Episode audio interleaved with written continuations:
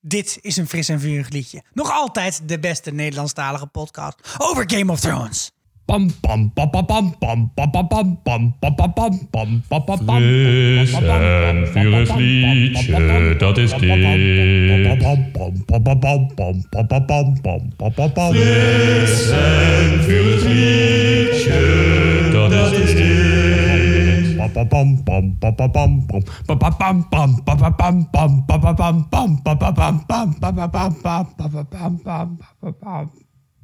Welkom allemaal, mijn naam is Sikko. Ik ben Esther. Ik ben Annaluna. En ik ben Sander. En je luistert naar de grote terugblik aflevering voor seizoen 8 van Game of Thrones. Woe. Wordt het een gezellige aflevering, denken jullie? Heel Het is al een gezellige Het is nu al aflevering, Sikko. Oké, eh, eventjes snel voor onze luisteraars die dit nog nooit hebben geluisterd. Je moet nog ongeveer 50 afleveringen inhalen. Ja, succes. Zeker. Later. Zo. En voor de rest, vanavond zijn spoilers niet meer veilig. Want we hebben natuurlijk alles gezien. Zelfs de documentaires en de extra YouTube-filmpjes en de alle hele flikkers bende. We hebben er- heel Twitter en Reddit uitgelezen maar voor jullie. stel je voor dat je nou in de toekomst luistert, hè, wat heel erg mogelijk is Ja. met een podcast. Dan hebben wij boek 6 en 7 nog niet gelezen. Niet dat er iemand alles op gaat afrekenen via info.friesevurgeliedje.nl. Ik denk het wel, want die Over gaan we tot jaar. een eeuw- eeuwigheid gaan we dat e-mailadres in leven houden. Sowieso. Vandaag bespreken we wat we van het afgelopen seizoen, seizoen 8 van Game of Thrones vinden. En natuurlijk komt er op een later moment nog een grote terugblik naar heel Game of Thrones. Maar vanavond beperken wij ons tot seizoen 8. En we beginnen maar eens met wat onze laatste indrukken zijn. Esther, Mijn laatste indruk, wat me het meest is bijgebleven. Ehm, dat is toch denk ik die scène waarin Brienne genaaid, Ja. geridderd wordt. oh niet geneukt, maar genaaid. Genaaid. ja, dat kwam daarna. Een soort van... Nee, dat was, was het daarna Ja, nee, dat voor? kwam daarna. Waarna pas, Dat hè? kwam ja, daarna. ja, ja. Jamie kwam Ja, daarna. het is allemaal één grote... Het is één grote blur geworden, Ja, blur ja. geworden. Ja. Maar dit springt er echt uit. Eh, nee, dat vond ik wel gewoon... ja, dat is iets wat je... Het, het had heel Maar veel... eens in je leven Wat je meemaakt. niet leven meemaakt, hè? Zeker als vrouw. Wel in Westeros. In Westeros. In Westeros. Ik bedoel, hier word je super snel geridderd in het echte leven. Ja, als je al iemand overlaat ze helpt steken, dan eh Ja, maar Ik, ik, ik zag dat eh. Queen Elizabeth Ivanka Trump heeft geridderd. Nou, Oh, ehm, Dat is een grapje. niet meer. Dat is een grapje. Fake ik nieuws. geloofde dit soort van. Oké, maar Brienne verdiende dit natuurlijk heel erg. En we hebben haar best wel een eh, ontwikkeling zien doormaken de, de afgelopen acht seizoenen. Ehm, we hebben haar... eh, Heel Westeros door zien lopen. Ja, ze heeft eh, heen en weer links en rechts eh, Westeros doorkruist. Ja. Ehm, en het, het, het was ook een heel mooi moment, vond ik, met al die... hè, vlak voor de strijd, waarin ze zelf, eh, eh, waarin iedereen gaat indrinken was, maar zij eigenlijk niet, want zij blijft altijd Cool. cool en ze weet dat ze, in ieder geval dat is mijn interpretatie, dat ze als vrouw, als vrouwelijke ridder nog een stapje scherper moet zijn dan al die mannen, omdat ze er niet mee weg kan komen, zoals al die mannen dat wel kunnen, om maar een beetje aan te kloten. Eh, en dan, dat Ja, wordt her- hè, dat is herkenbaar. En dan wordt eh, erkend dat zij eh, meer ridder is waarschijnlijk dan iedereen in die ruimte.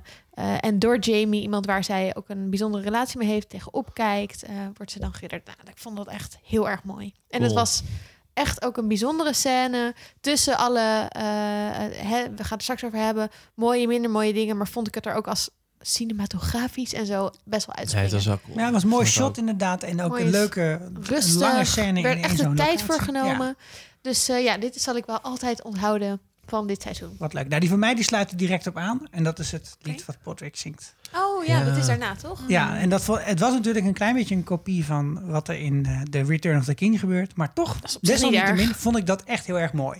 En zat er ook allemaal symboliek in waar later helemaal geen hol mee werd gedaan. Maar dat is het, ook een van jouw indrukken. ik vond het wel mooi gezongen. Ik vond het een, goed moment. Een leuke, zo even langs dat hele kasteel. Ik, ik kreeg daar Ja, een heel warm het was gevoel ook een montage, toch? Het was een montage. ja, Montage. super cool.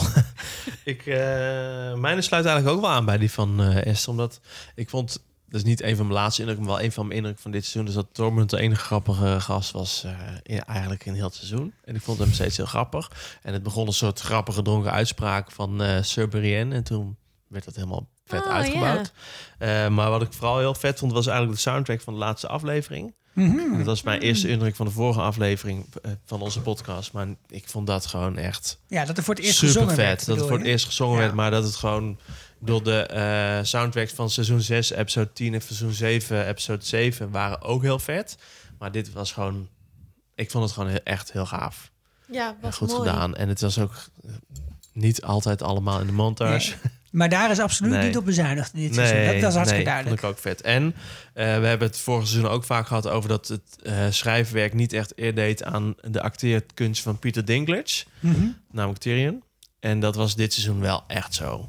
Ik vond dat, bij, dat hij bij heel veel scènes echt wel gewoon weer op de toppen van zijn kunnen eh, was qua acteerwerk. ja. En dat het schrijfwerk voorheen er niet altijd eer aan deed wat hij kon. En nu vond ik hem in veel gesprekken, zeker in de laatste aflevering, echt eh, gewoon heel goed. Ja. Dat is mijn laatste indruk. Ja, ik had. ehm, ik was denk ik tijdens het seizoen over de afleveringen ook een keer het meest positief. Maar toen ik terugdacht over het hele seizoen. Ik dacht nog, zal ik voor deze. eh, voor onze podcastaflevering nu nog eens een keer alles terugkijken. En toen dacht ik, nou, gewoon niet zoveel zin in. en dat was echt een heel erg conclusie. En toen dacht ik, ja, maar hoe komt het? Ja, toch een beetje van, nou, het stelde me als geheel wel echt teleur, het seizoen. Maar wat me dan toch het meest is bijgebleven... en wat ik wel vind dat ze echt heel goed gedaan hebben... is de ellende van oorlog. Dus dat, dat shot van de Dothraki die uitgaan... Oh. dat De zo helft mooi ervan in ieder gedaan. geval. Ja, de rest was te donker. Ja. ja. Ja, maar ja, anyway. Ehm, maar ook King's Landing. Ja, nee, en, en dat je echt ziet... niemand komt ook gelukkiger uit die oorlog uiteindelijk. Dat vond ik heel goed gedaan. Hebben ze George R. R. Martin zijn gedachtegoed wel Ja, eer ja, toch wel in die zin. Ja. Ik- ik- en ik vind het ook wel, wat ik was ik nog vergeten te zeggen net, is hoe dit dan, dit einde komt dus overeen met hoe het boek gaat eindigen. Ja. En ik ben wel heel benieuwd hoe, die dat, dan, hoe dat dan geschreven gaat worden, zeg maar. Dat heeft, me- het heeft me wel geprikkeld om na te denken van hoe gaat dat uiteindelijk gebeuren straks. Ja. Ja. Mag ik nog één ding wat me heel erg is bijgebleven noemen? Ga je gang. ja, ja, go. Oké, al Sansa's outfits. Ja, Serieus. ja sowieso Maar heel echt. veel kleding erin. Ja. De kleding was sowieso in het hele seizoen Ja. on point en on fire. Maar wat Sansa allemaal aan had en hoe super bazig en ja.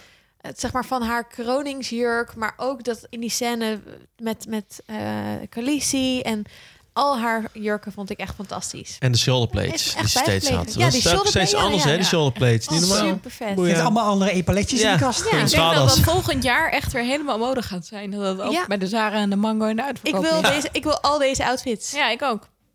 I need them. Naar de winkel allemaal.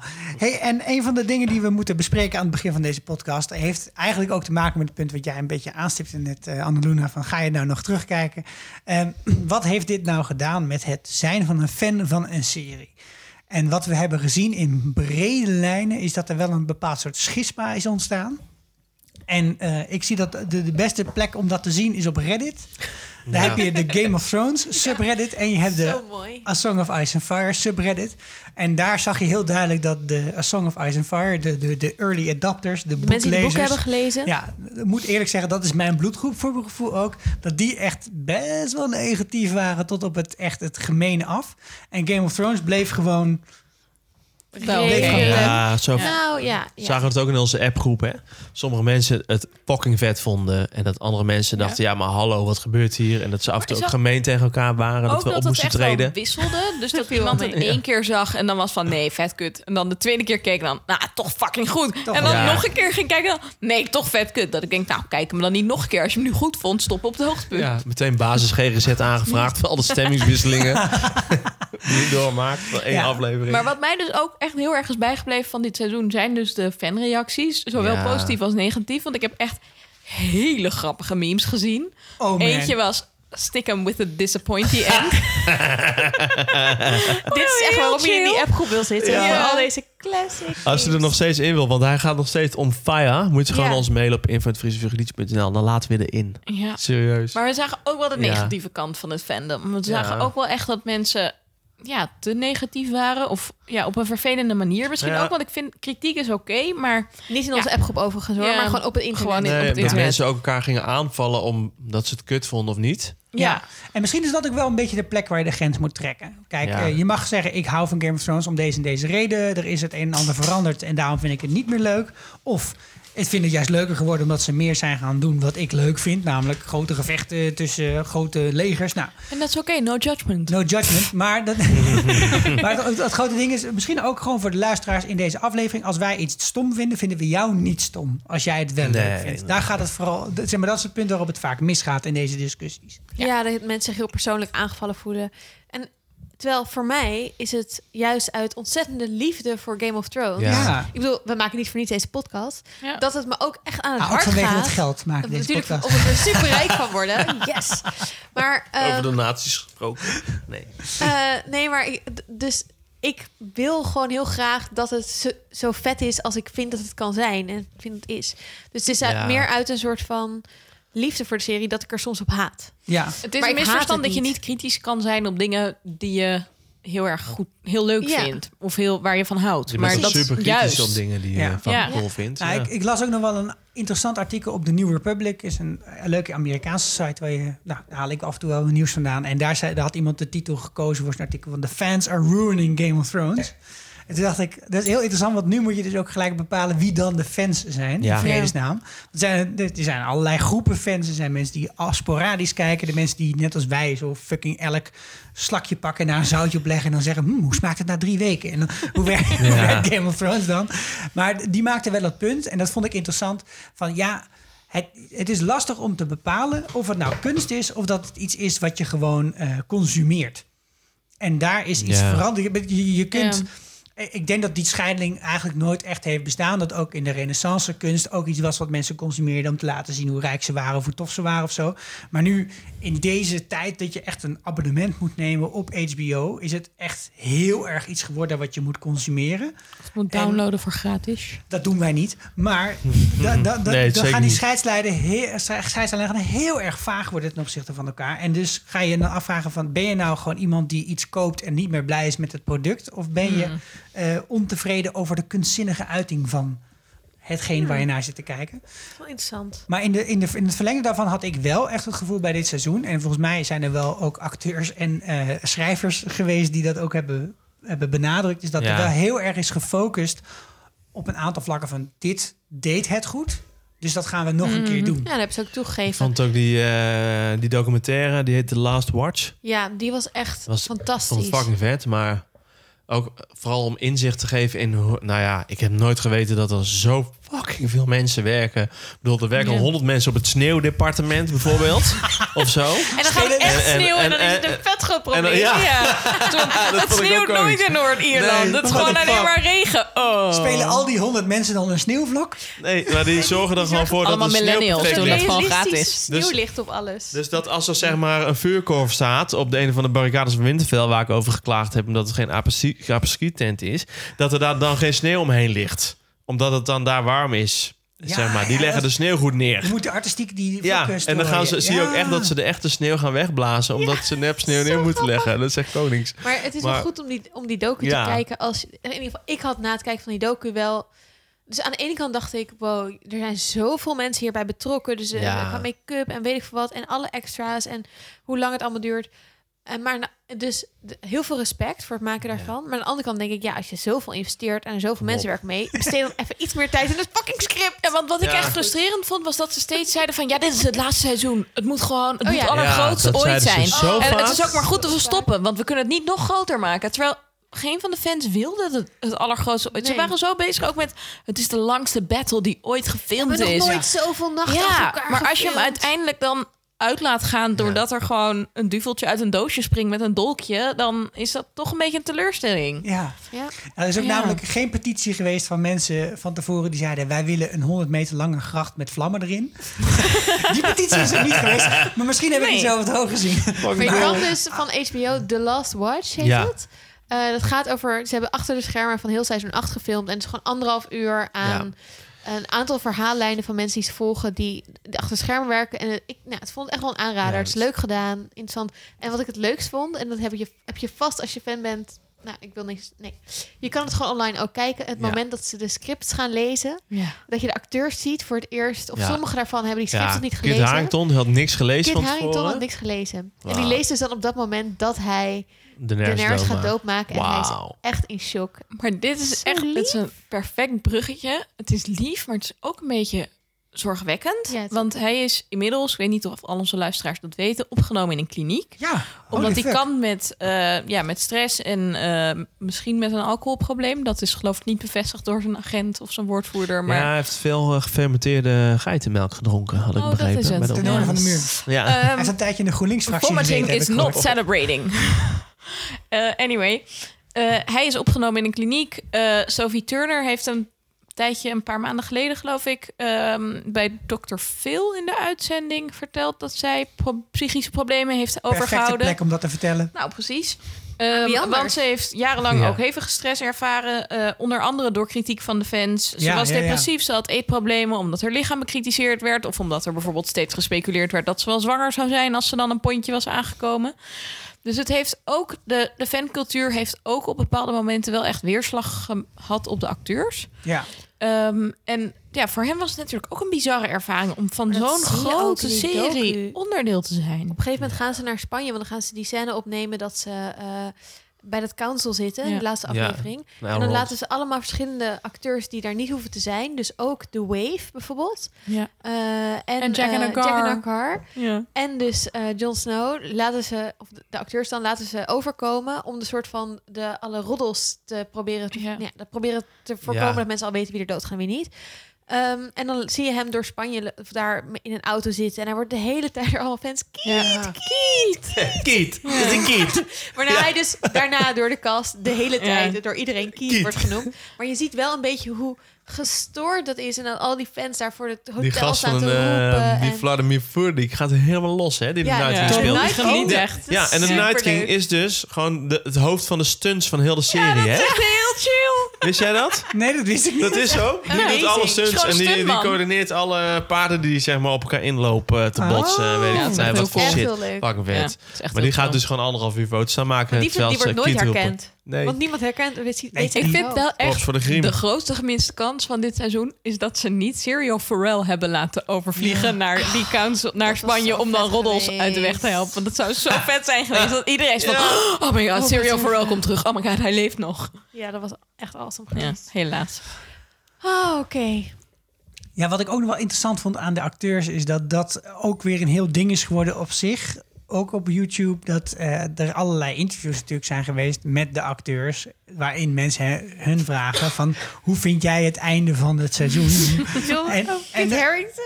ja, nou, ja, maar dat, dat, ook echt zo'n, dat zijn allemaal compilatiefilmpjes. En ik, ja, je gaat je dan afvragen Ja. wie heeft ze gesneden, hoe zijn ze in elkaar gezet. Maar dat, Ja. is echt gewoon, het is heel moeilijk om een filmpje te vinden Ja. met een acteur die enthousiast reageert. Three minutes of uh, reactions of the, the Ja. of, of, negative reactions from the cast. Volgens mij zijn Maisie Williams Ah. en Sophie Turner best wel enthousiast. Want die Ja. hebben natuurlijk ook, dat zijn Sansa en Arya, die hebben gewoon goede eindes gekregen. Terwijl Ja, John die- was echt wel teleurgesteld in zijn rol.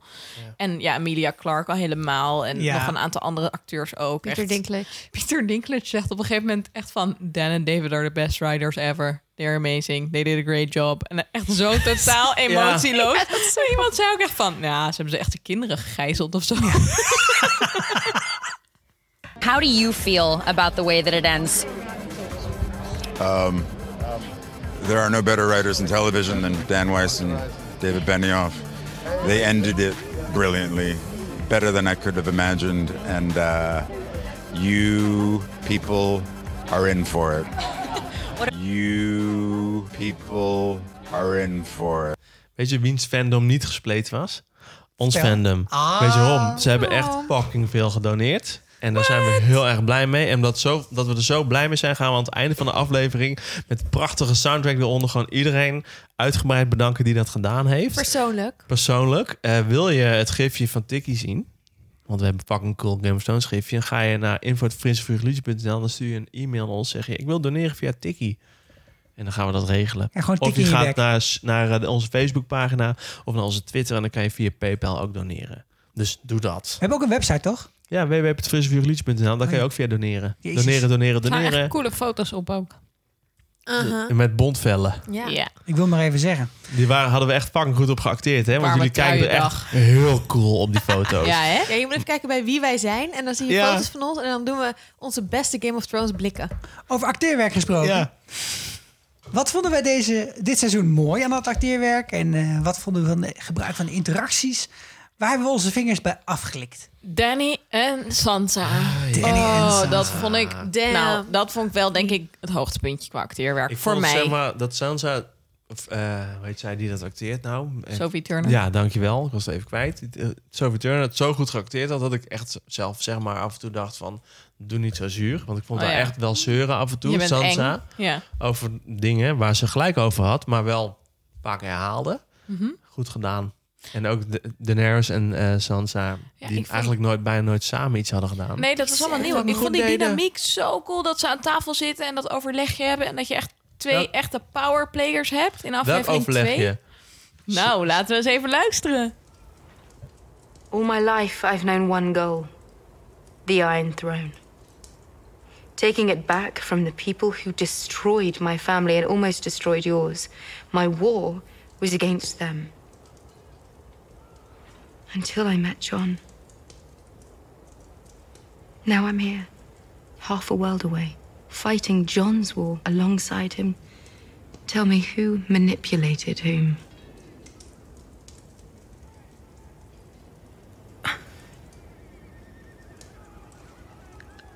I should have thanked you the moment you arrived. That was a mistake. I'm here because I love your brother. And I trust him. And I know he's true to his word. He's only the second man in my life I can say that about. Who was the first? Someone taller. And what happens afterwards? We defeat the dead. We destroy Cersei. What happens then? I take the Iron Throne. What about the North? It was taken from us. We took it back, and we said we'd never bow to anyone else again. What about the North?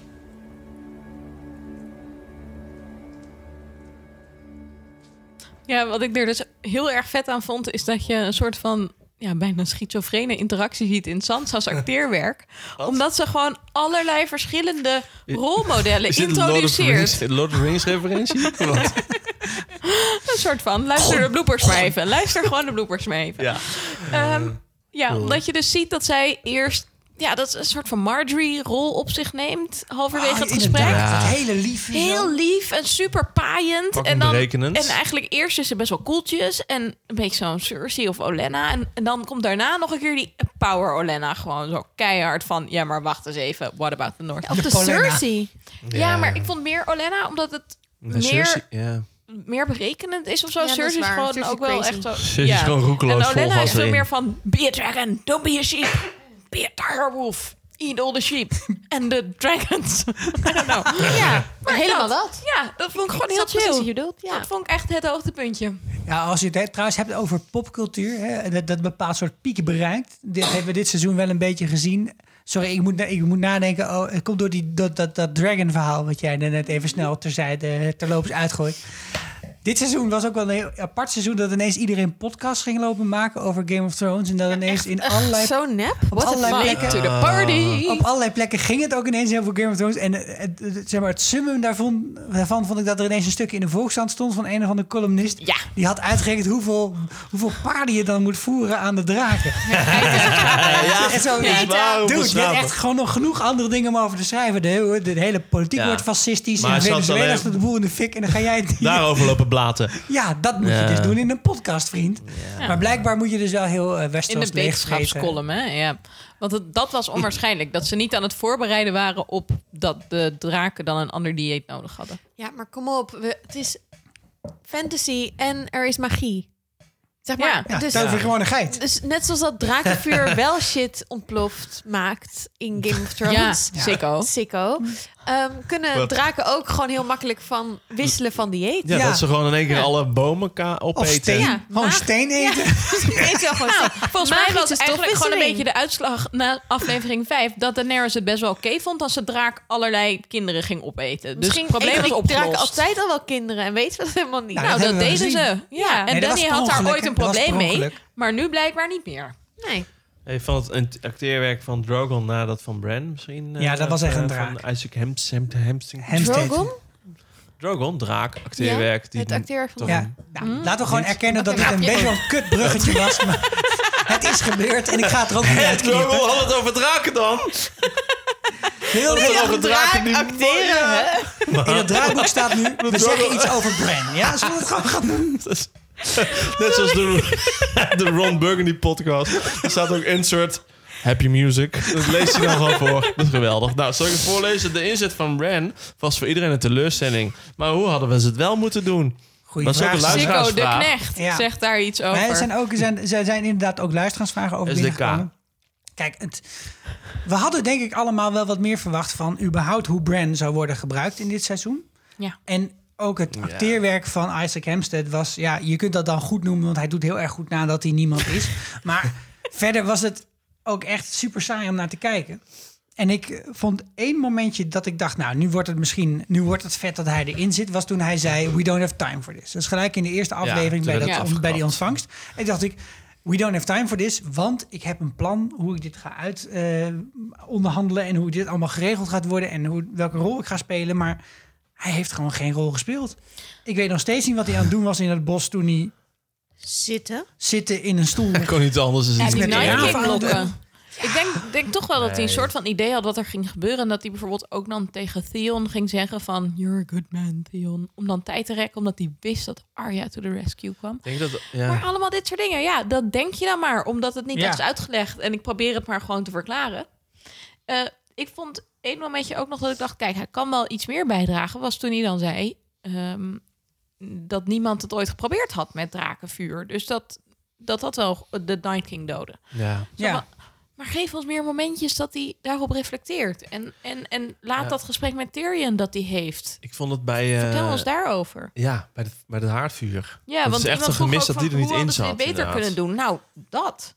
Ik vond wel dat eh, die, eh, dat die docu, we gaan, we gaan hem nog een paar keer benoemen, dat stond ook, daar stond ook zo'n gast zat erbij die dan ging voorlezen wat de mensen dan dachten. En er stond ook van, ja, Bran en de Night King kijken elkaar aan en Bran denkt nog eens een keer na over, dat soort dingen. Ja, ja, maar dat precies. zie je helemaal niet in die fucking blik die hij dan Nee. uitwisselt met de Night King. Want zijn Dan blik ik, is fucking het dan- leeg en de blik Ja. van de Night King is leeg en alles Ja. is leeg, dus er is niks. Maar het wordt Ja. dus daar wel voorgelezen. Dus ik hoop dat de scripts nog in boekvorm worden uitgebracht. Dat we zeg maar misschien nog ook kunnen zien wat. Daenerys dacht zeg maar, op de draak toen ze wel heel de shit plat ging branden. Ja, Toen dacht ze Nou, toch dat- iets dat- over taart. Ja, waarschijnlijk. maar dit, maar dit is wel altijd... Frosting. Wat? Dit, dit is hoe we het spel wel hebben gespeeld tot Ja. nu toe. Dat je, hè, dat- bij heel veel delen had je gewoon ook een boek... dat je een beetje wist wat de gedachtegang was... En, hoe, en hoe mensen zich tot elkaar verhielden, et cetera. Wat, wat, wat hier lastig was in dit seizoen... en dat, dat is iets wat je met acteerwerk op moet lossen... want anders dan lukt het ook bijna niet... is dat er zoveel mensen bij elkaar kwamen. En dat... De, de, de, de moeten allemaal tussen al die mensen. We hebben, we hebben een hele voorspellingenaflevering gemaakt over. Die heeft ook weer die va, dienstvader vermoord. En die heeft ongeveer dit gedaan. Ja. En er zijn wel een paar van dat soort momenten geweest. Dus Sam die hoort van. Oh, trouwens, mijn pa, mijn pa en mijn broer zijn op de barbecue gelegd. Heel vervelend. Ja. Daar waren een aantal momenten best wel, best wel goed van geacteerd. Maar van een van de karakters van wie ik het echt heel erg nodig had. Dat ik snapte, waar gaat dit verhaal nou heen? Wat, wat, wat is de inzet? Is hij nou een superheld? Of is hij eigenlijk iemand die ja, twee, drie keer informatie deelt en dan is het klaar? Dat was Bran en het was gewoon mijn Ja. grootste teleurstelling. Maar ook vooral, dus dit is de kerel die... De, iedereen zit de hele tijd al tien jaar, oké, al vijf jaar, zolang de serie wordt gemaakt, al acht jaar. Wie komt er op de Iron Throne? Wie eindigt op de Iron Throne? Uiteindelijk is dat Bran. Dat weten ze nu, twee, drie seizoenen of zo.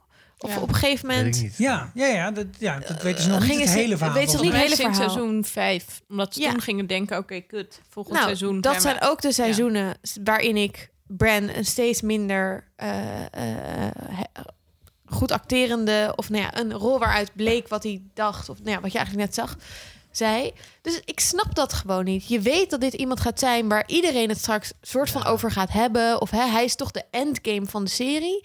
En dan geef je die eigenlijk met, met een superboeiende achtergrond geef je een marginale rol. Ja. Dat is gewoon raar. Ja, hij maakt ook- nooit een gesprek af. Hij wordt ineens Nee. achteruit weggereden en zegt: Ik Ja. leef nog Laten- in Hey, het verleden. ciao Het is nog nou. net niet zo'n eh, zo'n wandelstok waar die mee van het, van het podium af wordt getrokken. Oh, je bedoelt zo'n haak. Ja, haak. Nee, maar eh, ik vind het ook. Maar ik denk dat ze ook te eh, panisch zijn omgaan met het risico op spoilers of zo. Want ik begreep ook dat als we het over acteerwerk hebben van Daenerys bijvoorbeeld, of van, eh, ja, van eh, Emilia Clarke, Clark, ja. ehm, dat heel veel mensen vonden het heel moeilijk te verkroppen dat zij in één keer eh, draaide en heel de boel kapot ging maken, bijvoorbeeld. Ja. Maar dat, ik had dus ergens gelezen dat zij ook pas dit, in het script van dit seizoen las dat dat Ja. ging gebeuren. Dat Ja. zij het Klopt. gewoon nog niet wist. Ze wist Ja. niet dat dit. Dus onderdeel was van haar karakter. Acht of zeven seizoenen lang eh, de bevrijder gespeeld die gewoon de slaven vrijmaakte en zeg maar een soort rechtvaardige koningin eh, zou moeten worden of zou moeten zijn. En dat ze dan in één keer nu, ja, dan snap je ook wel, denk ik, dat, dat het en heel moeilijk vorm te geven is voor een acteur. Ik vond het wel ook gek, want zij heeft ook in interviews gezegd dat ze bijvoorbeeld boek 1 wel echt acht keer gelezen heeft, omdat ze de fans niet teleur wilde stellen. En dan vind ik het wel raar dat je niet bedacht hebt dat je personage ook wel een heel raar rafelkantje heeft. Nee, maar, nee, maar dat, ja, dat, dus ik snap wel je dat, ze zo extreem denkt, dit is wel een heel grote omslag. Maar als Ja. je niet, als je zeven seizoenen een, eh, een rol A leest en dan in één keer ziet dat je een omslagpunt krijgt, dan had je dat ook al eerder moeten kunnen laten zien. Terwijl, bedoel, we hebben ook wel gezien de afgelopen seizoen dat die boeken gewoon best wel ver uit elkaar, de boeken Ja, en de serie ja. best ver uit elkaar gingen lopen. Dus ik snap wel dat zij dat zich had kunnen indenken. Maar ja, het was zo savior. fucking verschillend. Ik bedoel, Brienne heeft ook wel iets doelmatiger gewerkt in de, in de serie dan de, in het boek. Dat ze echt heel Westeros ziet, bijvoorbeeld. Ja, ja. Eh, zonder negatief over die echt lid hoofdstuk is van elke handboogschietvereniging met dat boek. Wat superleuk is in het boek. Superleuk! Maar Ja. echt. Nee, maar, om nog goed. even, even door te pakken op Danny en ook op John. Ja. Kijk, we, we weten dat een van de laatste stukjes, de- een van de eerste stukjes informatie die eh, David Benioff en D.B. Wise hebben gekregen, eh, of eigenlijk hebben gegeven aan George R. R. Martin als een soort codewoord van mogen wij deze serie maken, is dat de moeder van John eh Lyanna Stark is. Dat was heel erg opgeklopt ook als een, als een weetje, een dingetje, zeg maar. Dat was het, het, het grootste stuk informatie wat we Ja. eh, hebben gekregen in de recente geschiedenis van Game of Thrones. En dat moest tot soort wasdom komen in, deze, in dit seizoen dat het uitkwam. En dat hing heel erg af van de gesprekken en de interacties tussen Danny en John. Ja. En laat dat nou net het Ja. punt zijn waarop eigenlijk iedereen een heel slap genitaal kreeg. Ja, maar vooral, ik vind hun, hun dynamiek vind ik op zich niet vervelend. Want je ziet dat ze soort van... Ik bedoel, ze zijn... Ik vind niet dat het niet werkt. Alleen hun relatiedynamiek werkt niet. Dus ik, het Ja, werkt dat niet dat ze op ook. elkaar, tot elkaar zijn aangetrokken. De Precies. Ik vind het op zich... Ja, er, er is, vind ik, niet echt een vonk. En zeker niet als je. John hebt gezien met... eh, Leslie Ygritte, Rose, ja. Ygritte, waar je natuurlijk ook... eh, ze echt grot. getrouwd later. Dus, het, dus ik bedoel... eh, maar en Khaleesi met eh Dariana Harris en weet ik veel wat. was allemaal En veel met meer Jorah, die niet per vuur. se eens liefde was, maar gewoon Met Jorah Ja. had ze meer spark Ja. dan met, eh, met eh, Kit Harington slash Jon Snow. vonk. Maar, het is, het, zeg maar hij is super cruciaal aan het verhaal. Hè? Hij, hij verraadt haar omdat hij Ja. een Targaryen is, wat hij niet eens zelf wil. Dat moet ik Ja. allemaal geloven. Plus dat ze heel erg van elkaar houden. Ja. Plus dat het helemaal misgaat.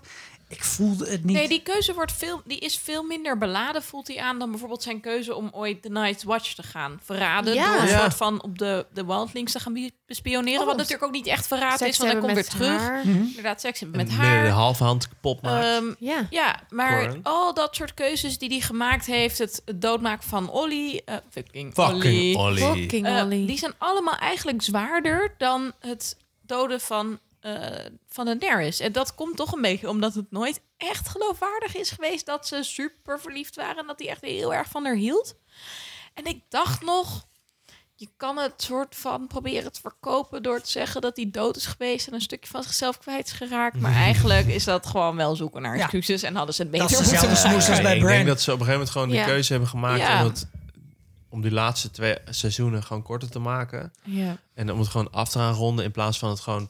Bedoel, er zijn echt zoveel vragen over... Ik bedoel, waarom is hij ooit dood geweest, en heeft Melisandre hem levend gemaakt? Dat ik laatst te bedenken. Hoeven we nu niet op in te gaan op die vraag. Maar dat zijn van die vragen dat je denkt Hij is van... natuurlijk wel degene die de iedereen daar bij Winterfell gebracht heeft. Want zonder hem was Daenerys daar nooit heen gekomen. Dus hij heeft in die zin Ja. wel een rol Ja, gespeeld. dat is wel ver gezocht. Maar er zijn heel veel dode eindjes. Ook dat ze ooit zo'n gesprek hadden gehad over of zij nog zwanger kon Ja. worden of niet. Nou, ik vind dat, dat we dat Nou, wel, dat, dat zit gewoon helemaal in luchtledige seizoen verdwenen. afle 7, aflevering 7, dat hoort nog wel hierbij. Ik bedoel, ja, Ja. dat werd ook super opgeklopt. super relevant. Sorry, maar waarom is Arya een faceless man? Nou, nou, daar heb ik in, seizoen, in de vooruitblik aflevering van dit seizoen wel over gehad. Dat zij dus als een soort van ketterijbestrijder is opgeleid door de Faceless Man. En dat denk ik wel. Dat zij dus is? Ja, ja, Maar dus dat- het is dat vanuit ze- de Faceless Man is het de grootste Ik ketterij ik dat de Night King bestaat. Dus zij moest hem oké, doodmaken. Dit soort vragen zijn misschien echt voor de terugblik voor heel Game of Thrones. Oké, maar ik ik wilde snap gewoon even wel. aangeven van waarom zijn er zoveel... eh, Ja. dat Dode eindjes. Maar de- en maar over dode eindjes gesproken. Nou, het punt, nee, van, niet. het punt van het een hebben van... Het haar van Het punt van het hebben van een baby, wel of niet, is Ja. ook iets waarvan je dan, wa- waarvan ik, en ook de, de, de blik van Tyrion, die dan in aflevering 7 van voor, voor seizoen dan heel belangrijk was en nu in de laatste aflevering van dit seizoen ook weer terugkwam, dat heeft heel erg te maken met hoe zij dat hebben geacteerd Ja. en wat wij eruit hebben geïnterpreteerd van wat, wat is hier nou eigenlijk aan de hand? Maar Game of Thrones was altijd een serie waarin je dat interpreteerwerk kon doen. Ja. En nu is al dat interpreteerwerk gewoon doodgeslagen op... Oh, het was Mm, toch ja. niet relevant. Nee, maar Oh, echt, het allerbeste voorbeeld van dat acteerwerk, wat heel relevant blijkt te zijn, is het moment dat Sansa samen met Peter Baelish in de crypte staat. En het heeft over hè, Lyanna en dit. En dan zie je Ja. hem zo kijken van. Eh, volgens mij zat dat anders, want ze was niet verkracht, maar eigenlijk hadden ze ze haar. Ja. En dat die blik, die was dus ook heel meaningful. En daar heb ik nu bij dit, zeg maar, dit seizoen en een klein beetje van het vorige seizoen problemen mee dat ik me afvraag: wisten die acteurs nou wel precies wat ze moesten acteren om het Ja. verhaal tot leven te Nou, in brengen? die eerdere seizoenen dus wel, maar nu gewoon veel minder. En Ja. dat is echt jammer.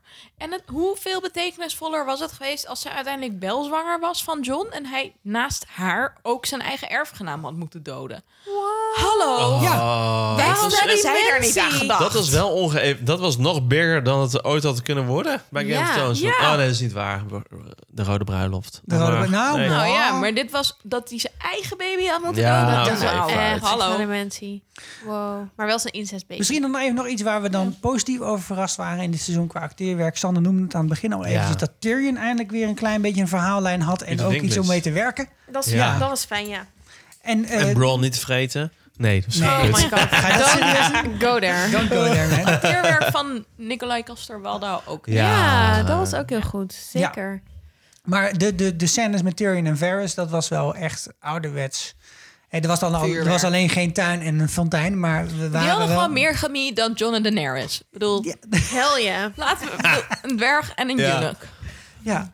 En wat, ik ook wel, wat mij ook wel is opgevallen in de laatste seizoen, en dat heeft natuurlijk ook te maken met de manier van schrijven en het weghalen van allemaal karakters, is waar zijn al die rare karakters gebleven?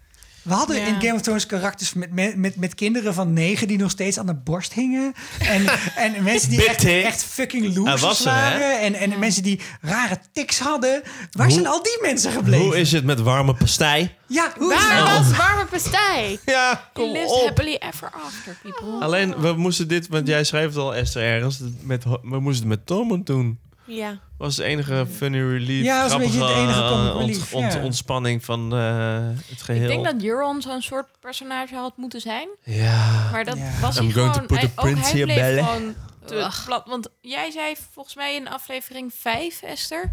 dat hij zo'n soort hedonistisch type is. Dus dat hij de ervaring van het sterven... Ja. dat hij dat geweldig vindt. Ja. Ook dat bleef te plat. Want ik Nee, wilde zelfs dat eigenlijk dat. wel geloven. En ik- nou, dat kan inderdaad de rol zijn geweest die ze bedacht hadden voor hem. Dat was wel zijn slotscène wel een beetje hoor.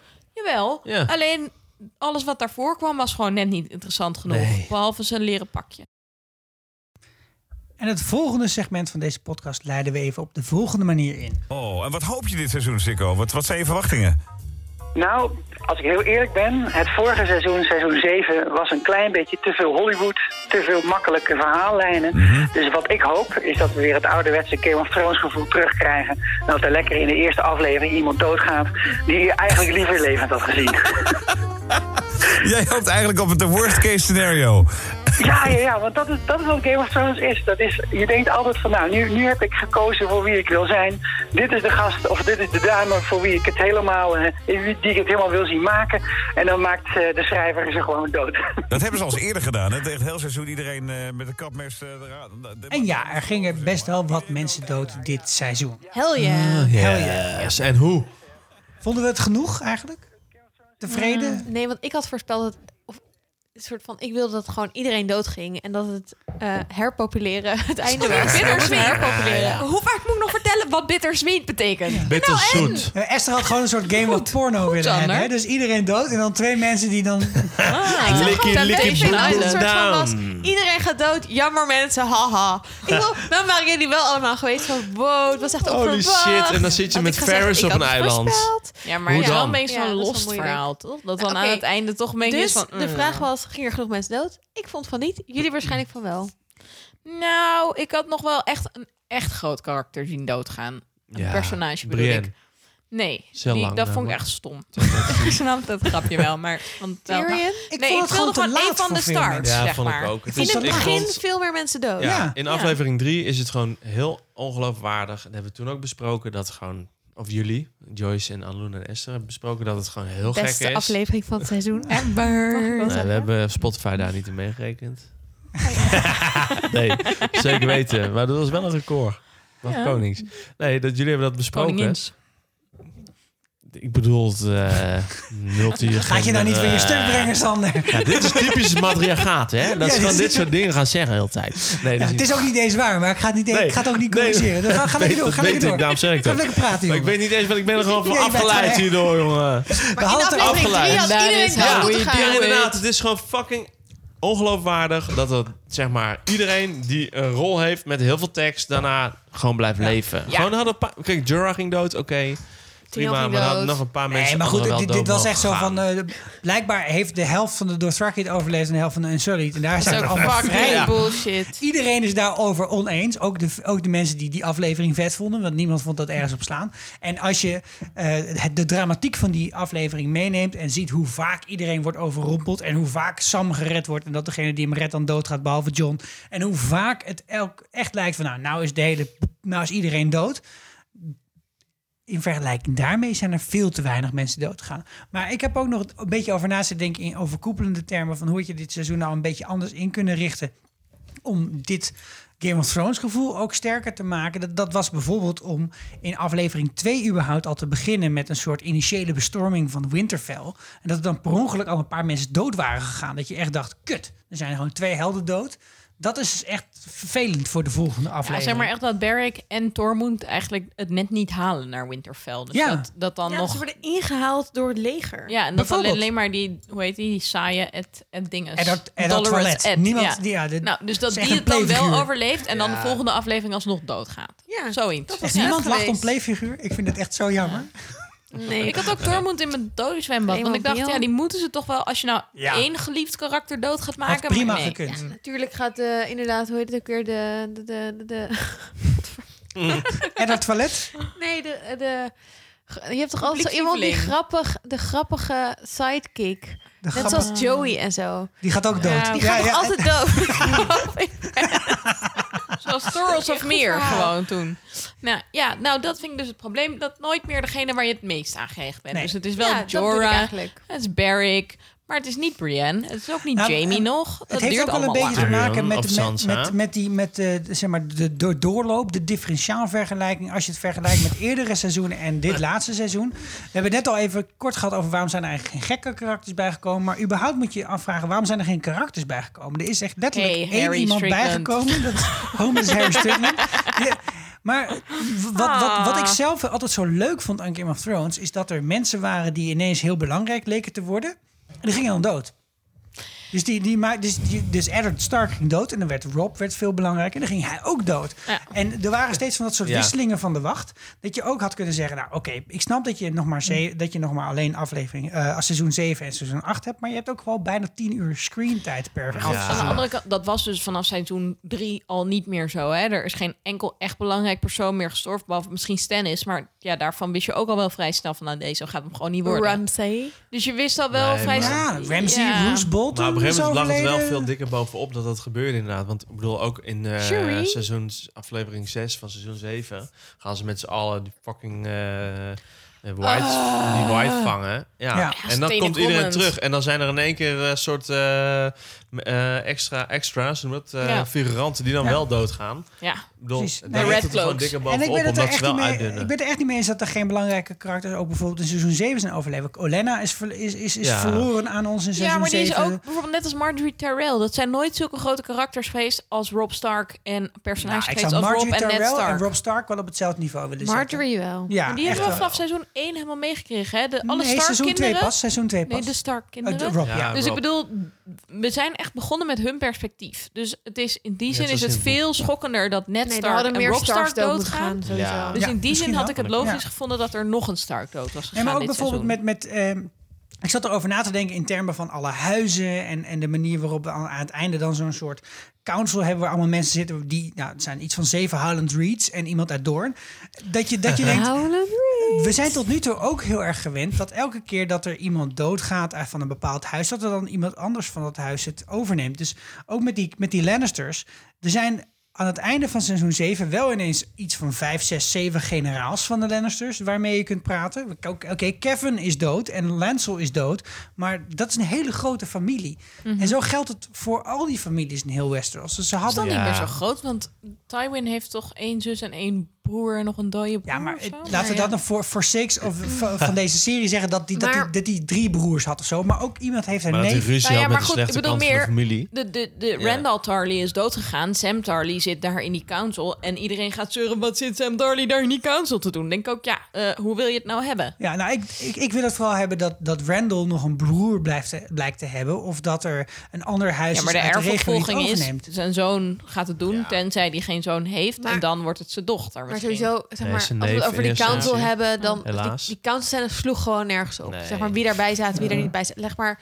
als we daar logica in gaan zitten zoeken, dan kunnen we het ook nog over 10.000 andere dingen hebben die daar niet aan klopten. Ja. Maar misschien kunnen we het even hebben over de Ja, ik de zeggen, doden die wel vet Night waren. King. Bijvoorbeeld de Night King ging dood. Ja. En op wel een manier dat ik toch wel heel hard op zat te juichen dat het gebeurde. En ook toen we nog een keer in de kroeg gingen kijken, dat het soort weet was, Yes! Weet je wat ik daarna wel dacht? Want ik ben boek 1 aan het lezen. Arya is links. Ze maakt hem dood. Ze vangt een dolk met de rechterhand en Ja, steekt hem dat dood. is haar, ja, maar dat Ja, is ja. haar Tweehandig training leren vechten. geweest. Ja. Ja, ze is twee handen leren met de andere vechten. Zeker, weet je, ze- met de wave, ja. Dat Nou is ja, toch ook... Als ja, je bij boek zeker. 4 bent of boek 5, dat ze gaat Ik leren, heb het al dan... gelezen, maar... Ja, maar dat ga je dan her... En dan, die- dan herlees je dat. En dan, dan lees je het oh. er ineens. Maar wat Esther heeft helemaal in de podcast niet verteld? Sander, dat, eh, Annaluna.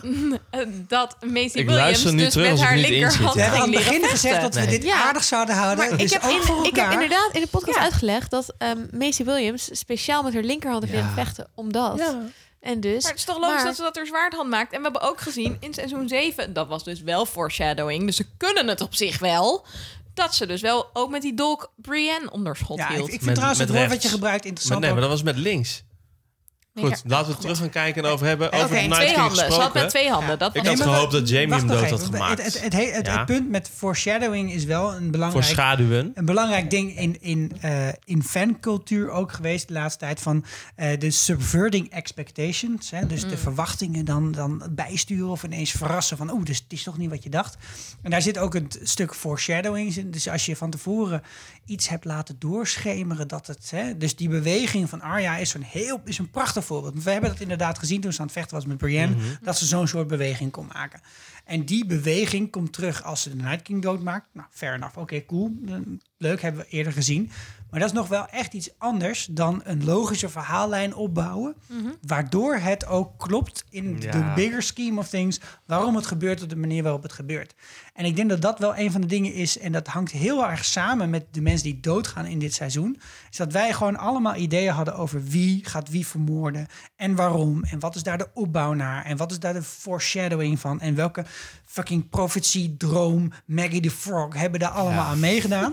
Heel En de- ik heb echt wel gemerkt dat ik een aantal keren in dit seizoen verrast was door hoe dat gebeurde. Alleen die verrassing die voelde heel vaak niet een soort van. Nee, die voelde niet verdiend. Ik nee, dacht het was gewoon het ja. schokeffect in plaats van... Ja, Wow, dit was echt alsof iemand in de laatste minuut van de wedstrijd toch wint. ja, Zo van, Tottenham je hebt het Ajax. eigenlijk niet echt verdiend. Maar ja, het was inderdaad Nederland, wel een doelpunt. Ja, ik had het niet zien aankomen. Ja. Nou, En, en, en wij hebben daar natuurlijk buiten de podcast om eh, in, in de, zeg maar, de offline hebben we er veel over gediscussieerd. ik was er helemaal cool mee geweest als Arya de Night King had vermoord. Ja. En het was logisch geweest. Maar nu was het echt erbij gezocht met Melisandre... die dan ineens weer quotes uit seizoen 3 Ja. erbij Daarom halen. was Melisandre daar. Heel vreemd. Ik had het helemaal prima gevonden. Zelfs in de aflevering maar- hadden ze het kunnen opbouwen op een manier dat bijvoorbeeld John en Arya een gesprek hadden gehad met elkaar en hadden gezegd van nou één van ons twee moet het doen en dat John dan bij die draak zat en niet weg kon en dat dan Arya dan maar Ja. over de kantelen aan het rennen had allemaal 70 manieren had je het kunnen omschrijven om het Ja. wel tof te maken maar hier was het echt zo ik voel gewoon de hele tijd spanning Nee, en dan opeens is Arya er maar ik weet gewoon niet wat ik met En deze ook gewoon dat je nog echt moet. nog eigenlijk de, de macht van de Night King niet echt ziet. Nee bedoel, want we zien wel dat hij dan daar in één keer is op een draak en dat hij dan tegen normale drakenvuur kan. Wow, maar ja, cool was ik dat. bedoel, we hebben niet een cool gevecht gezien of zo met hem. Dat hij dan ook toevallig in één keer wel kan zwaard vechten. ja bedoel, hebben, daar hebben we gewoon niks Echt van En gezien. Bran Bran die er maar bij zat. En Brandy Maar daarbij zat. En dat hij echt alleen maar langzaam zijn zwaard kan pakken. ja Maar Nou, nog een heel belangrijke dood was die van Danny. Ja. zeker En die vond ik wel minder verwacht. Zeg maar, daar was ik wel door in shock. Ja, vond ik ook. En dat was wel een moment wat soort van... eh, dat had een vrij fatsoenlijke opbouw Ja, een goede opbouw. Want eh, je had net nog John die soort van... Ja, ik kan haar echt niet doden. En je denkt, fucking John. Die is weer veel te plichtsgetrouw. Die gaat het niet doen. ja De fatsoenlijke opbouw was alleen in de laatste... Wat was een gesprek met Tyrion. Nou, ik-? Ja, in de Ja, laatste aflevering. Nee, het- aflevering. Dit had veel beter Ja. en langer gekund. Maar zeg maar, het, de, de Ja. minuten voor de dood wist ik niet. Ik was echt Nee, verrast dat hij het deed. Laat Da- ik het zo ja, zeggen. Dat was Ja, niet terwijl je wel- Sterker nog, ik dacht toen ze gingen zoenen, is. dacht ik... Oh, dus hij gaat misschien toch haar als soort van... Die dacht lik, En lik, door boem, ze boem, als- precies, als koningin. Boem. Had ook gekund. Ja. Nee, maar hij, dit, Dat dit is wel vet. iets wat vanaf de eerste aflevering aan een beetje werd opgebouwd en steeds erger werd. Want Ja. Sam die ging met hem praten en Ja. zei, is ze nou echt zo'n goede leider? En hè, dan had je nog een Nou, scène met hem en haar. opgegeven. Ja, dus foreshadowing zat erin. Het probleem daarbij was dat het acteerwerk echt, Matig. echt maar heel matig was. Ja. Maar dat had, dat had voor mij veel meer... Ik werd daar veel blijer van, Ik van, vond die, wel- van die boog. Ik denk dat dat met Arya en de Night King ook... Je ziet allerlei elementen dat zij zo lang getraind is door de Faceless Man. En ik zie dus Ja. wel dat er in de boeken echt een uitleg komt over wat hun idee was. Bij Maar je denkt echt dat van haar. Arya ook in de boeken de haar Night laten King gaat doodmaken? Nou, er is geen Night King in de boeken. Nee. Nog niet Toch? in ieder geval. Dus nog niet. Maar dus in die zin misschien niet. Maar ik denk wel dat ze een grotere rol speelt. En dat dat te maken heeft met de rol die dood speelt in Westeros. En wat de others daarvoor symbool, ja, voor, Ja. voor ehm, functie in hebben. Dus denk zeker wel dat de Faceless Men haar ook trainen met een reden. En haar misschien ook gaan laten gaan met een reden. Maar Hij ze heeft inderdaad ook altijd gevochten tegen de dood. En Ja. voor de dood. en ook wel voor en, en ja. gekozen van wat moet je nou wel en niet, wie moet je nou dienen, moeten alle mensen nou sterven door mijn hand of kan ik het ook loslaten? Hm. Maar Ze de- kan het ze hebben het gewoon niet opge, niet, niet goed genoeg uitgewerkt. En nou ja, dat is volgens mij een, een, een, een, een kritiekpunt dat iedereen deelt. Het hadden niet zes afleveringen van eh 80 Ja. minuten moeten zijn, maar gewoon tien Ja, maar ik afleveringen denk wel dat uur. we kunnen concluderen dat onze problemen zitten echt met de schrijvers. Dus niet met, denk ik, met scènekeuzes nee. of de uitvoering of de acteurs of de, Ja. De Ja. muziek of hoe het er allemaal uitziet. Maar echt, eigenlijk alles wat wij noemen keuze gaat van de om... hoofdproductie. zeg Ja, maar. van, van Ja. echt de dat- eindbazen die soort van de verhaallijn Dat maken. Emilia van de- Clark vet late shit krijgt. eh, ja, dat precies. Dat zijn allemaal keuzes van de top eigenlijk. Ja. Die blijkbaar, denk ik, te ver afstaan van echt het verhaal Ja. of van hoe het Want- op want- ons als fans overkomt. Want het lag wel heel dik erbovenop dat Daenerys wel vermoord ging worden, bijvoorbeeld. Ja, Zij moest dood. Nee, dat was heel duidelijk. geloofwaardig. Maar Ja. wie dat dan ging doen, dat was echt een what the fuck. Dat mooi, eh, Nou, en, en ook eh, van wie, het, wie het dan ging doen, dat Ja. zat ook heel erg in de Valonqar-theorie. eh, die dus niet in de serie zit, als je heel Nee, eerlijk dat was bent. met maar- Cersei, Cersei, bedoel je? Ja, ja, ik wilde het bruggetje maken Oh. naar Cersei. Oké. Want, want dat, dat was ook zo'n ehm, zo'n verhaallijn waarvan je dacht... Dat, zeker aan het einde van vorig seizoen... ze hebben super, super dikke ruzie, Jamie en Cersei. En nu gaat hij helemaal naar Winterfell. En Jamie is daar in Winterfell geweest. Waarom ging Jamie naar Winterfell? Ja, dat is dus een heel beroemd nummer. Dat gaan we uitbrengen samen, Esther en ik, op plaat. Eh, maar dan, uiteindelijk gaat hij ineens weer terug. En dan, dan weet je ook nog steeds niet waarom hij nou precies teruggaat. Maar omdat hij van haar houdt, maar oké. En dan gaan ze gewoon samen dood in een slecht gebouwde ondergrondse kerker. En als ze vijf stapjes de andere kant op hadden gedaan, dan, Dan waren was er ze niks aan de hand. leven. Ja, Dat is het eind van het nummer. Ja, Dit is het eh, vervolg op Jon er Snow's gisteren toch? zo'n tweet rond van... stel dat je nu vier meter naar links getransporteerd werd, waar zou je dan staan? Want mensen hadden echt vet grappige antwoorden. Ik zou gewoon in mijn keuken hebben gestaan. Maar dat was misschien wel geïnspireerd door, nou, Door niet dit onder het puin. Niet onder de Nou, ik puinhoop. lag dan in de tuin van de onderburen Sikko op dit moment. Ja, dat Nou, zou heel, dat heeft te denken. heel vervelend zijn geweest. Nou, Ik lag in de box. Voor de vlinderstruik. maar, maar, maar, maar wij hadden hier heel veel ideeën over, toch? Dat, dat, Ja. dat, dat, dat of Jamie of Tyrion haar zou vermoorden. Eh, Ja. Ik heb zelfs nog heel even gedacht aan het einde van, seizoen vijf, eh, van aflevering 5 van... Nee, het wordt Euron. Want Ja, hij is ik erachter gekomen dat hij niet de vader is van die Ja, baby. ja, Ja. What the fuck? Flats! Dood! Misschien pleegt ze wel eh, zelfmoord. Dat was ook, ook nog best een... wel eh, mooi. Tom een Achter achternaam. Dat zou ook heel toepasselijk Dat was zijn ook geweest. gezegd. Nee, jij had voorspeld dat zeg maar de baby... eh, dat Bran in de baby ging wargen. En dat die dan haar dood zou gaan maken, toch? Ja. Awesome. Ik sta erachter. Ik weet niet of dat in een aflevering of op, in onze persoonlijke... Het was later die eh, om 7 Ik denk uur s ochtends Is, is WhatsApp-conversaties moment om heel was. eventjes heel kort stil te staan bij de voorspellingen? Ja, die ik afgezien van deze wel echt keihard gewonnen heb. Want? Nou, dit is echt mijn moment to gloat. Maar het dode zwembad, een half punt achter de uiteindelijke winnaar... die zijn telefoon niet opneemt, dus ik vind dat ik de prijs mag. Ja, Ehm, Koen. Koen, neem je verder, telefoon op, vriend. Ons persoonlijke poeltje met z'n vieren op de Fantasizer League... heb ik gewonnen met ruim 300 punten ja, maar verschil. dat, dat lag aan de regels van dat ding. Op- Ja, daar heb je van tevoren ook gewoon... eh, nou, ik had dus 1700 punten en Esther had er... Wat was het? 1400 of zo? En wie was 1350? Bri- Brienne door Cullen Wie was dat? Dat was, eh Maar- ja, je had Dat minste. Ja, en dat eh, tot waar. slot de voorspellingen die we in de voorspellingen aflevering hebben gedaan. Eh, drie flessen rosé, jongens. Kom maar. Waarom, wat Want heb je voorspeld? Voorspe Dat voorspeld? Melisandre saves the day. Wat heeft ze gered dan? Nou, en nou heeft ze meer gered dan jullie voorspellingen. Want Esther had dat Howland Reed kwam. Howland Reed, hij was er wel. Hij was er niet. Ik bedoel dus niet Sikko, alsof... dat ze naar de Fist of the First nee, nee, Man nee, moesten op nee, een of andere expeditie. Nee, dat en was jij wel had iets over dat Jamie met zijn gouden hand de hele Golden Company ging het beheersen. gouden gezelschap. Nee, ik maar dat ben was weer gewoon... tweede, duidelijk. De vrouwen van deze Sowieso. on fire. Oké. Oké, dus je krijgt inderdaad van ons alle drie een fles rosé. Dankjewel. Ja. Maar wacht even. Ik wil wel graag dat jullie ook helpen ze opdrinken, want ik hou helemaal niet zo heel Ik hoop dat van de appgroep jou ook nog eventjes gaat... lekkere eh, Pinot Gris. Prima, als jij ze koopt, dan drinken wij ze mee op. Nee, zo werkt het niet. Maar wie hebben we dan nog gemist in dit seizoen?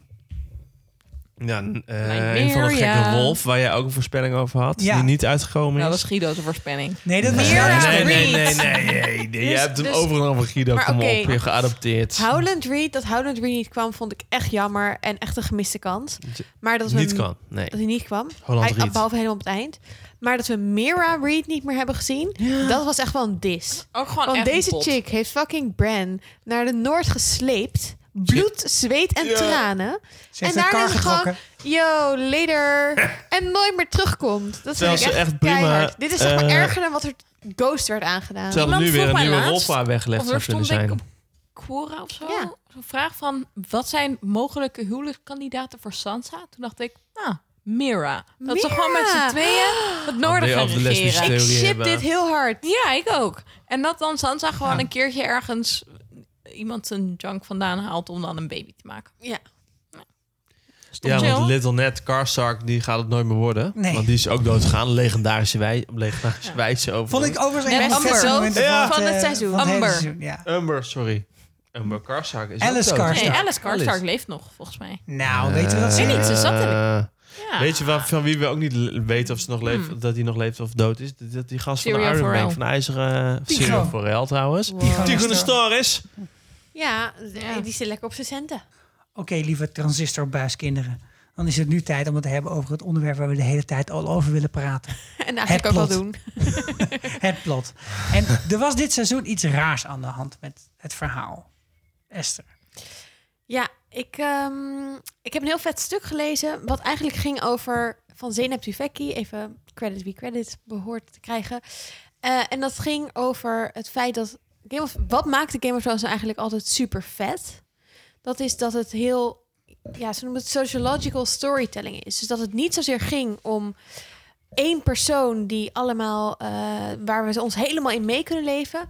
Maar allemaal ontwikkelingen maatschappelijke ontwikkelingen, externe ontwikkelingen, climate change of klimaatverandering. Eh, hoe verschillende machtsrelaties tussen verschillende huizen eh, zijn. De onderdrukking van de Eh, kleine man. De onderdrukking van de kleine man. De kleine lieden, zoals de in Nederlandse versus de grote man. Kapitalisme. Ja. En dat die allemaal effect hebben op mensen en dat mensen daarop reageren. En daar kunnen we in die grotere veranderingen kunnen we ons allemaal inleven. En daardoor kan je ook mensen die eh, rare dingen doen, slechte dingen doen, kan je toch eh, daar sympathie voor voelen, omdat je de omstandigheden begrijpt.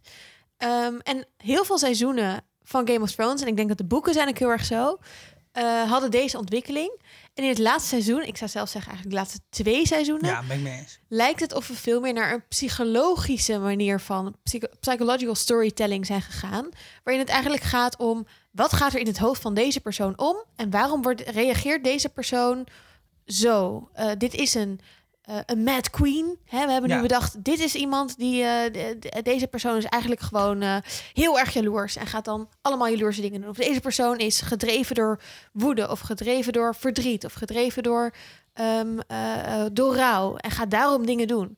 En dat die hele, ja, eigenlijk het grotere plaatje veel minder belangrijk wordt en we verschillende personages volgen en wat zij doen, maar niet zozeer ja, dat, dat, dat we helden en anti-helden hebben en één grappig persoon voor de, de comic relief. En dat het veel meer draait om die, die personen die dus ook niet meer doodgaan. Want dat was waarom het ook niet erg was dat Ned Stark doodgaat, of dat Rob Stark doodgaat, of dat een Niet hoofdpersoon erg. doodgaat. Nou, niet erg. Oh, bedoel, je leeft wel fucking erg mee, maar het is niet zo dat je Ja. stopt te kijken, want Nee. mijn lievelingspersonage is dood. Ik wilde echt Ned Stark, eh, probeerde ik net de dood te lezen in de boeken gisteravond. Toen dacht ik, nee, ik kan dit gewoon echt niet aan. gaan slapen, Ja, ik stop wel gewoon halverwege het hoofdstuk. Oh, in de boeken was Ja. het zo Ja, maar erg. ik- jij, jij stuurde mij dit stuk door en ik heb het ook echt gelezen en nog een keer gelezen, nog een keer gelezen. Dit, dit is het ook volgens mij. Ehm, het grappige is dat George R. R. Martin ooit is begonnen als scriptschrijver. Hij schreef scripts voor films en voor series. En hij zei toen op een gegeven moment: Ik vind het lastig om steeds voor scripts en series, eh, voor series en films te schrijven, omdat je altijd naar zo'n eindpunt toe moet werken. En dat je, eh, dat je steeds dingen moet wegsnijden en je moet het simpeler maken en het moet eindigen. Wat ook heel erg moest met dit seizoen. En toen heeft hij gezegd: Ik ga gewoon fucking Game of Thrones schrijven. Ik ga iets schrijven wat superveel verhaallijnen heeft. Ja. Ik ga allemaal eh, eh, verschillende universa naast elkaar zetten. En storytelling, worldbuilding. Je ziet ook dat hij helemaal de weg is kwijtgeraakt. Na boek drie moest hij in boek 4 en 5 twee boeken schrijven voor hetzelfde Tijdperk. periode in de tijd. En nou zegt hij, Ja. ik ga boek 6 ga ik het weer samenbrengen. Dikke lul, maar gewoon 6, 7, 8. En daarna gaat het exponentieel Oh worden. no, nog groter. stop, stop. Oh, man. Dat is het enige wat er kan gebeuren. Maar dat, Ja. dat, dat bracht een bepaalde realiteitszin met zich mee omdat je steeds dacht, oh ja, maar daar is wat aan de hand. In de, in de Riverlands, in de Westerlands. En Iedereen Landing. merkt dezelfde gevolgen van die, Ja. ex- ja, van die Maar dat, volgens mij zijn er twee verschillende dingen. Dus Esther zegt, het, was, het ging over de gevolgen op, op de andere mensen, dus niet vanuit de persoon. En ehm, George R. R. Martin schrijft dus wel heel erg vanuit personages en wat voor hen logisch zou zijn om te doen. Dus hij is een karakterbouwer. Ehm, Dan Silvers, Silvermint had hier een heel interessant Twitter-draadje over. Die zei, ehm, George R. Martin is een typische plant, pantser. Hij, eh he's flying by the seat of his pants. Dat is een eh, Amerikaanse uitdrukking van, nou, iemand doet maar gewoon een beetje wat in hem opkomt. Hij laat dus zijn personage in een bepaalde situatie zitten en dan denkt hij, wat gaan ze in deze situatie doen? Dus hij weet het ook niet altijd. En in de boek is een heel goed voorbeeld daarvan dat Danny dus uiteindelijk strandt in Marine. En dat hij daarvan ook een beetje denkt van, eh shit. het Wat was moet, eigenlijk- wat, wat moet Wat ik ga ik hier nou weer mee? Wat Ja. heeft zij nou weer gedaan? Hij was uiteindelijk van plan om dus de, met Ja. die, die kinderen te beginnen, het verhaal. En dan Start. ze te laten groeien. En in de tussentijd zoveel te laten gebeuren dat die kinderen opgroeien. Nou, dat is op zich best wel een leuk uitgangspunt. Waar het niet dat het jongste kind, Bran Stark, fucking zeven jaar oud is Rickon. begin. Dus je ja. moet echt heel... Ja, maar Ja, Rickon, ja. persoon. Ja. Dus je moet echt heel veel tijd overbruggen. Dus daar zit ook zijn fout. En hij heeft dat ook wel erkend. Van, op een gegeven moment krijg je dan dus ehm, een tuintje. Hij vergelijkt het met, met tuinieren. Een tuin die overgroeit. Dus je krijgt allemaal planten die je water geeft. Op een gegeven moment komt er allemaal onkruid doorheen. En weet je niet meer wat wat is. En die, dat onkruid zijn in, voor mij in de boeken een beetje al die Ironborns. Waarvan je echt denkt... Nog eentje? Rot gewoon op. Ja, ik wil dat wel niet meer. intens. En het Dat is echt heel en veel. De oom van Ja, die en terwijl ja. scriptschrijvers voor televisieseries zijn typisch mensen die inderdaad naar zo'n einde toe werken. Dus dat Ja. zijn de plotters. En wat je wil is een soort van balans, waarbij het allebei logisch is. Dus nu zie je in seizoen 7 en 8 dat dus wel een switch wordt gemaakt naar karaktergestuurd verhaal vertellen. Ja. Maar dat die karakters vervolgens eigenlijk geen ruimte krijgen om zich te ontwikkelen. Omdat het alleen maar gaat over wat ze doen in plaats van wat ze beweegt. Ja, en, en we moeten steeds geloven. Een heel belangrijk verhaallijn is dat. eh, sorry, ik maak mijn zin af. We moeten steeds geloven dat de omgeving ertoe doet. Hè, dus we, Ja. we zijn gewend uit seizoen 6, seizoen 4 dat je zo'n heel Riverland ziet en dat alles in de fik staat. En dat de, de Hound en Arya op bezoek zijn bij een of andere boer. En eh, dat, dat, dat, dat soort dingen zijn wij gewend van, van Ja. Game of Thrones. Dat dat erbij hoort. Dat, dat dat soort scènes gewoon onderdeel zijn. Dat je dan altijd denkt, oh, dit is het traag. Maar dan uiteindelijk blijkt het best wel vet en maakt iemand dood vanwege een kip. Dat is, on- dat is onderdeel van Game of Thrones. Ja. En in dit laatste seizoen word je steeds gepusht om te geloven dat het dus heel erg is als de bevolking van King's Landing doodgaat vanwege het feit dat Daenerys een aanval pleegt met een draak. En dat is eigenlijk zelf vorig seizoen was het al heel erg belangrijk. Alleen, ik zie die mensen nooit. Ik Je heb geen relatie opeens. met ze. Nee. Eh, Ik, ik, ik bedoel, ik, ik ben nooit bij. Vroeger was ik nog wel eens bij een gaarkeuken. Dat dan de hoge mus soep uit stond te delen. Of, of, of een kerkvloer stond te Ja. boenen. Of dat soort shit. Dat meer maar ik ben nooit was. meer op die plek. Ja. En dat maakt dat nu van ja, oké, ze gebruikt het als een soort Operation Human Shield. Wat ik ook niet chill vind. Maar dan Maar moeten we is het dus heel extra erg vinden. Maar we vinden het niet Omdat erg. je dus ook niet mee kan leven met het perspectief van Daenerys. Nee. En als, als dat nou heel goed uit Of zou zijn Cersei. gewerkt, dan zou je denken: oké, er is in elk geval vol gekozen voor die psychologische manier van verhalen Ja, ja, ja. vertellen. Maar zelfs dat is dus niet goed gedaan. En dat is volgens mij waar de schoen zo wringt. Dat, Ik ben, ja. ik ben nu de, het boek van eh, de Ridder van de Zeven Koninkrijken aan het luisteren. Night of the Seven Heel Kingdoms. Fucking vet. En daar zit ook een verhaal in over dat, die, dat, dat de hoofdpersoon daar over een of andere dam... met een of andere vrouwen, eh, de, zeg maar de vrouw van een kasteel... moet gaan discussiëren.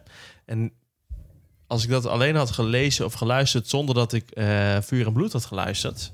had ik er helemaal geen fuck van begrepen. En ik dat, dat, Mm. denk dat het best wel vet is dat dit soort geschiedenisboeken van Vuur en Bloed, zeg maar, ook onder Dus die ook van verhalen George R. liggen. Martin. Ja. Dus zeg maar ook van George R. R. Martin over hoe dat met al die drakenkoningen is gegaan in de geschiedenis. Ik bedoel, in dat verhaal van die eh, ridder van die zeven koninkrijk komen echt fucking veel drakenkoningnamen Ja, in dus voor. ik had dit en- pas, ik heb Ja, gelezen gelezen, daarna. En toen dacht, daardoor was ik steeds van, dit is zo vet. Want het brengt het allemaal in extra Ja. perspectief. En je weet dus dat George R. R. Martin dit dus allemaal al wist toen hij dit boek schreef. ja, En dat geeft het gewoon heel veel dimensie. Net zoals je bij Harry Potter zit er veel meer geschiedenis achter Ja. dan in de boeken zelf. En dat mist de serie in de laatste seizoenen Ja. gewoon heel erg. Eigenlijk een soort van de, de achtergrond of de onderliggende redenen. Of, En dat hoef je niet allemaal uit te spellen. Maar zoals Ja. we in, in die eerdere afleveringen zien, Dus kan je een prima af en toe even langs ja, het als je een soort de geschiedenisboek van Westeros op een gegeven moment hebt van eh, ja, een Song of Ice and Fire, want Sam legt het op tafel aan het eind. Ja. Wat misschien veel, be- veel breder uitgeschreven is. Dat je dan ook van die laatste seizoenen misschien de beslissingen beter begrijpt. Of zo. Ja. En hoe dat ook in de rest van het hele land gaat. Nou, binnen, binnen deze eh, discussie is het wel goed om te, op te merken dat er ook een paar dingen best wel goed zijn gedaan. Ik was van de week te gast bij de podcast Geeky Dingen.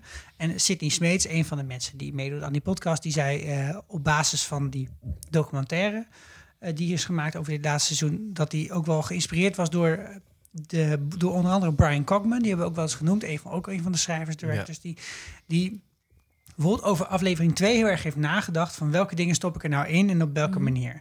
En dat was een aflevering met heel veel reunieën en heel veel samenkomsten De van mensen. nighting scene. Ja, maar er zit bijvoorbeeld ook die ene scène in waarin Davos en Gilly allebei iets aan het doen zijn voor de small folk. En dat er dan eens dat kleine Shireen-achtige Ja. meisje er is. En laten ze subtiel zo het muziekje van Shireen laten ze op de achtergrond spelen. Maar eh, Gilly en Davos zeggen niet tegen elkaar... hey, weet je nog dat je hebt leren lezen van Shireen? Dat, dat, dat, dat doen ze niet. Dat doen ze niet. Ze, ze laten die thematiek heel Maar rustig ik op de denk echt dat achtergrond je spelen. deze scènes op één hand kan tellen in dit seizoen. Ja. Misschien Terwijl je normaal gesproken wel. had je er vijf per aflevering. Ja, Dat, dat zal misschien waar zijn, maar ze zijn er Maar dus ze zijn er wel en, ze, en die, Ja. die waardeer ik ook heel erg. En een aantal ik daarvan vond is die ook heel tof. De scène met Dat Ed soort Sheeran scènes. bijvoorbeeld. Dat was seizoen 7. Ja, Ja. die was er wel. Oh, maar die, en, en soort ja, scène. Ja, de- de- had de- iemand de- seks in een bordeel. Precies. Eerste, Ja. eerste aflevering. De throwback op, eh, op Ed Sheeran ook dat was natuurlijk geen ja. karakterbeeld. Je Nee. ziet niet waar de personages vandaan zijn gekomen. Dus het is meer van, oh grappig. Game of Thrones ging altijd over mensen in een bordeel die dan Season politieke one dingen besloten. Mm. Ja, jingle. dat was het heel erg. Ik denk dat een van de plekken waar je het allerduidelijk ziet dat er gewoon nagedacht is in een term van lange halen snel thuis. Dat is de, de storyline die zich helemaal afspeelt in King's Landing. Daar Ja. is in, in, in eigenlijk in aflevering 10 van seizoen 6 is daar besloten, nou oké, boom, iedereen dood. En alhoewel je duidelijk weet, want zelfs Hot Pie weet het, halverwege seizoen 7, dat, Ja. dat Cersei dit heeft gedaan. Alhoewel iedereen weet Met zijn dat Cersei de halve stad in de fik heeft gezet.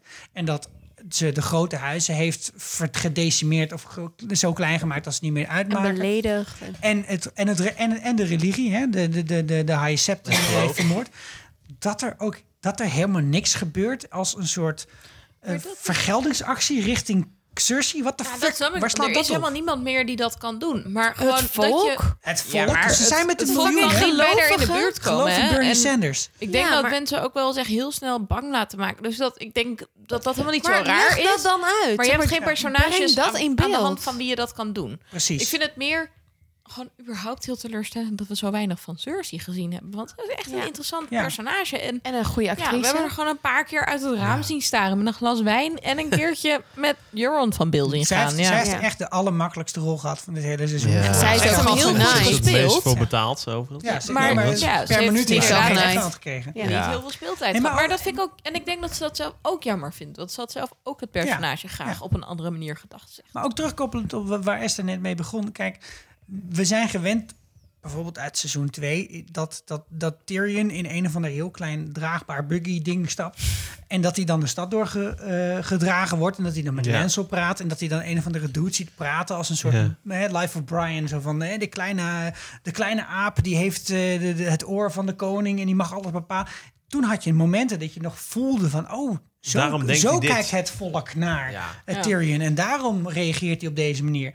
En dat was ook allemaal helemaal weg. allemaal eruit. We hebben geen idee wat, wat de schoenmaker uit, uit, uit, uit Pigs End vindt van Euron Greyjoy. We hebben gewoon geen, werkelijk geen idee. Ja, ik denk ook iedereen in die stad wil blijkbaar in de Red Keep zich veilig voelen. Terwijl, Ja, nou, sorry, maar als, als ik iets zou doen als ik in die stad, persoonlijk als ik daar zou wonen, Ja. is, en ik zie die van allemaal de stad uit. Doei. Ik ga toch niet fucking richting Cersei? Waarom komen die mensen hier om Cersei te vermoorden? Ja. En dan, dan denk ik, ja, dit is, gewoon niet realistisch, toch? Ik bedoel, het is niet dat alle Maar- mensen daar heel dom zijn. Ik denk dat, want in seizoen 7 hebben we wel gezien dat zij in de troonzaal vertelt dat er dus een buitenlandse heerser met haar hordes Dothraki komt. ja. Dus dat er wel een soort van narratiefbeheersing daar is van Ja, gewoon eh, de- de- propaganda. er komt een buitenlandse kolonisator op een vuurwapen. Dat vind ik interessant. Ja. Dit, is, dit is tof. Ja, nee, dat, dat, daar ben ik helemaal met je eens. Maar goed, er waren ook eh, toffe dingen aan het plot, toch? Hebben we die? Vertel ze maar. Eh, Ik zag jij in het draaiboek uh, inconsistenties Queen in the in de North. logica Queen in staan. the North. Ja, dat was vet. Queen in the North. Oké, oké. Dus ik ik nog een puntje over de tombes. Hoezo was de dat dan positief in het plotlijn? nee, ja, ik, Dat was ik, niet wil, ik wil positief, gewoon ergens in deze aflevering noemen dat ik het vet vond. Het was echt totaal niet positief. En die jurk.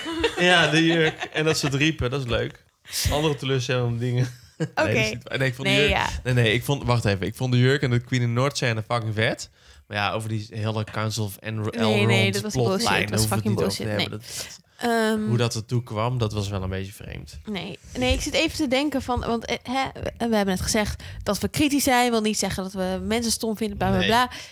En dit seizoen. Nee, niet bla bla, dat is ook wel waar. Dat is waar, dat is waar. ja. Ehm, en maar zeg maar, dit seizoen was niet fantastisch, maar ja, ik weet niet. Ik vind het toch fijn nog even de liefde voor mensen Game of Thrones. Die we echt een beetje stom vinden zijn, denk ik, David Benioff en D.B. Weiss. de schrijvers. Ja. Ja. Ze hebben het niet Maar, maar, maar laat me, laat me nog één ding inbrengen waarvan ik, wa- Ja, ja. waarvan ik had gedacht. Van eh, jongens, hier had je meer mee kunnen doen. En ze hebben het ook zelf gezegd. En dat zijn de Ironborn zelf. Kijk, ik snap, ik snap Annaluna's illustratie met de boeken dat er ineens heel veel Ironborn zijn. Waar was onze Alleen- badass chick? Hoe heet ze ook weer? Yara. Yara. Maar laten, we, laten we even als volgt. eh, gewoon heel. Dat laten we het alleen maar betrekken op de serie. Dat is als volgt. Afgelopen seizoen, seizoen 7, wordt Yara gevangen genomen door Euron. En zegt Theon: "Ah, Ik ga van de boot af. En vanaf dat moment zegt hij. eh, ben ik nou een Stark of ben ik nou een Ironborn? Nou, hij, eh, dan zegt John tegen hem, je mag allebei zijn. Je mag, je mag je bij, wezen wie je wezen moet. En dan zegt hij, nou dan ga ik Yara redden. Dus in die eerste fucking aflevering of zo... redt hij Yara in, meteen, in hoppa. een minuut en Ja. 22 seconden. En dus, dus, eh, En dan zegt, zij, dan zegt zij, Later. oh, nou dan ga ik wel terug naar de Iron Islands voor het geval dat. Oké. oh leuk, gaan ze daar naartoe. Nu komt er een verhaallijn en blijkbaar moeten ze straks allemaal nog naar de Iron Islands. Wat Chico dacht.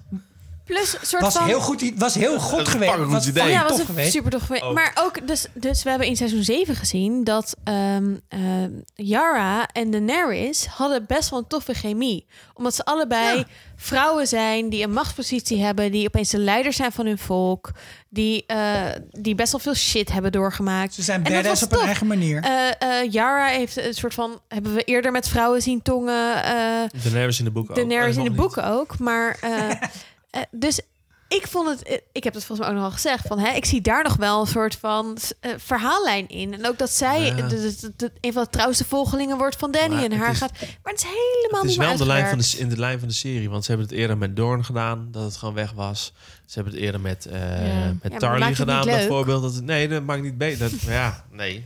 Nou ja, Dus het mag jammere is dat ze dus wel. zaadjes planten. Dat ze een soort van rode Ja, haringen precies. uitstrooien. Zo van, Precies. oh, dit kan ook gebeuren. En ik denk dat dat ook te maken heeft met de Ja. fancultuur. Dus dat ze ook heel erg willen dat ze mensen nog kunnen verrassen. Dus dat ze ook denken, het Ja. is jammer als mensen het we zien moeten toch iets hebben om over te praten. Hè? Dus we gooien er gewoon ook vijf misspoortjes in, zeg ja, maar. maar, maar- En dat, en dat vind ik heel jammer, want met bijvoorbeeld de Red Wedding, dat kwam voor heel veel mensen ook onverwacht. Maar als je terugkijkt, dan denk je, ja, was Hij wel zat er echt wel aan een te domme komen. move hoor, coming. Ja. Ja. en dat was echt wel, ja, dat, dat En- en- maar, daar dat, dat accepteerden mis we je het hiermee. wel van, omdat het al geschreven stond. En dat is nu Nee, maar denk anders ook- misschien. Je snapt dus wel It dat het gaat komen, omdat Ja. het wel past bij de personages. Je Ja. hebt al honderd keer gehoord dat. Walder Frey gewoon van team wisselt als het hem dat beter uitkomt. Ja. En hier heb je een soort van, oh, er kan een exodus zijn. Ja. Grapje. Grapje. Nou, precies. Dat, dat werd in die eerste aflevering gesuggereerd. Van misschien komt er wel een moment dat... Laten we het zo zeggen. Ik heb, ik heb drie dingen die ik echt had verwacht in dit seizoen. wa- Wat mij betreft ook hadden gewerkt. En die ook werden gesuggereerd. Dus een van de eerste is die Exodus. Die jij nu noemt, Annaluna. Want die credits, die tegeltjes, die slaan om Ja. Als blauw. En ik dacht, ja, dit wordt een soort risk-spel. Ja. En dat gaat niet stoppen bij Winterfell, maar dat eindigt Ja. ergens rond de Twins of misschien wel verder. En dat gaan wij meemaken. Dus dat werd heel erg geteased. En er werden op heel veel manieren werd geteased van hey, Ja. die, die, die, Ik dacht die White ergens, Walkers zijn zeg niet dood tegen het einde aflevering van drie. aflevering 3 van oh fuck, Sikko en Esther krijgen gelijk. En ik vond dat echt een kuttheorie, want ik wilde het niet. Maar ja, ik dacht wel, dat kan gewoon nog gebeuren. En dat het dan weer niet gebeurt is ook jammer. Ja. En, en dat, datzelfde, datzelfde geldt in, in, in het verlengde daarvan, dat is, dat is nummer twee, is dat eh, aan het einde van, van aflevering 2 zie je de, niet dat de Night King in de buurt van Winterfell was. En toen waren er superveel mensen die zeiden, eh, misschien gaat, hij hij- wel gewoon door naar Gaat King's helemaal niet Landing. naar Winterfell. Misschien heeft hij al besloten dat, hij niet wil vechten met Ja. twee draken, waarvan vond- de een groter is dan die van hem. ja. Ik vond het... eh, wel een hele mooie scène. Ja, fucking Ja, vet. Vond de hele. Night King plot echt alle, alle draken dingen echt heel mooi. En alle CGI Draken! echt mooi. Hey, en draken. individuele scènes mooi. Maar het En dat- grotere plaatje dat en is gewoon een beetje van... tongen. Er missen echt de wel... de De, helft van de puzzelstukjes is niet ingevuld. Ja. Dat is het Ja. probleem. Ik vond het met de hele plot van de Night King ook best wel teleurstellend. Omdat, ik bedoel, er is fucking veel kritiek dat het allemaal te Hollywoodiaans is en zo. Ja. Maar als er iets Hollywood is, is dat de slechterik zeg maar bijna wint en dan toch niet wint. Het is toch Oh, zo'n en James Bond scenario. Zo van, nou, Ja. dan ga ik nu, heb ik bijna gewonnen. En dan bid ik maar even de dat is held gewoon- vast. En de held kan zich dan net losworstelen. En ik, oh. ik had niet, niet per se gehoopt dat dat was gebeurd. Maar ik bedoel, het- een van de eerste spoilers die niet in het boek stond en wel in de serie was, is dat de Night King bestond. En dat hij baby's kon turnen. Ja, of kon eh, kon veranderen bijvoorbeeld. En dat, dat is gewoon, eh, dat hele, dat, er is niks mee gebeurd. Nee. Ik vind het gewoon heel jammer. En het laatste punt waarvan ik echt het gevoel had van dit wordt volgens mij hier neergelegd voor mij, omdat ze daar in het volgende seizoen iets mee gaan doen, was het hele Iron Bank verhaal. Oh, ik dacht dat Cersei zwanger was. Nee, ja, ook laten we die sowieso Ja. zo ook bespreken. Maar de Iron Bank, Ja. in, in, in het Nee, laatste, in het laatste seizoen Oh, wordt ja. echt heel erg duidelijk gemaakt van jongens, eh, die Tycho Nestoris die komt ineens over. Dat is iemand met, dat is ook een acteur die mensen kennen. Ja. Die heeft meerdere gesprekken met Cersei over het inlossen van schulden, et cetera. En Dat dan zegt Cersei tegen hem van, eh, ik heb trouwens even contact gelegd eh, met een of andere huurlingencombinatie. En dan zegt hij, oh ja, maar die ken ik ook heel goed. Dus ja, wij hadden volgens mij ook allemaal het gevoel van, nou, er moet iets gebeuren. Daar gaat iets einde. gebeuren. En echt, Benioff en Weiss hadden heel goed ervoor kunnen kiezen om de Unsullied en de Dothraki dood te laten zijn. En het alleen maar een leger van River Run en de Noord te laten zijn tegenover eh, Homeless Harry Strickland. En dat Homeless Harry Strickland dan op het laatste moment had gezegd... by the way, ik ben omgekocht voor degene die op het laatste moment lijkt te winnen. En nu Of voor degene die de gouden hand heeft. Bijvoorbeeld. Overigens. Ja, was mooi was, geweest, was heel mooi geweest. Dan had jij een ja. katje speciaal bier gehad. Mhm. Maar dat, die dingen lagen... Ik dacht... Het, Nee, het het was probleem daarmee is dat je, dat je denkt... Oh, wat hebben ze dit eh, geraffineerd, mooi, klaargelegd Dan om is dit het- af te werken. Want het is super subtiel in het verhaal verweven. En dan kan ik daarna blij En dan nemen het ze na de weg van de er niks. weerstand. Maar precies Nee. hetzelfde als met die rare vorm die dan rond net Umber Ja. is. Ja, Dat zeiden ze, nee, maar dat oh. zeiden ze letterlijk, hadden ze daarvan gezegd. Ja, die hadden we in heel veel andere culturen gezien, die vorm. Dus ja, ja die zullen wij dan ook wel gewoon erin Mooi. zetten. Ja, symboliek. Prima. Maar jongens, Dat is echt het waren de symboliek. vetste vechtscènes ooit. En er is nog nooit Ja. zo Dat is zo het gefilmd. ever. En zoveel extra's. En we hebben zoveel special uit. effects. Het maakt me niet uit. I know. S- Ja, ster- Sterker ik nog, haat als je, als, je, als, je, als je allemaal van die extra DVD-afleveringen ziet... met mensen Ja. die vertellen over Nee, hoeveel, tijd, over hoeveel tijd en moeite ze hebben gestopt... in het ontwikkelen en het ontwerpen van een zwaard van fucking Jamie Lannister. Da- daar hebben ze toch... Zeg maar, ze hebben serieus 45 uur nagedacht over het zwaard van Jamie... en over... Wat al die symboliek betekent met die hunebedden Ja. rond een boom. Maar- Daar heeft iemand gewoon op een bierveldje in de kroeg een half uur over nagedacht. Oh my god. Maar hoe gehyped waren we Ja. over dat web- wapen van Arya? Van, Ja. oh my god, Arya. ja, dat is de dagger. ben- ben- Het een- is een- Valyrian Nee, maar dat was gewoon dat wapen dat we al gezien. En dan denk ik, ja... Dat is gewoon omdat ze met eh Gendry dingen moest gaan doen.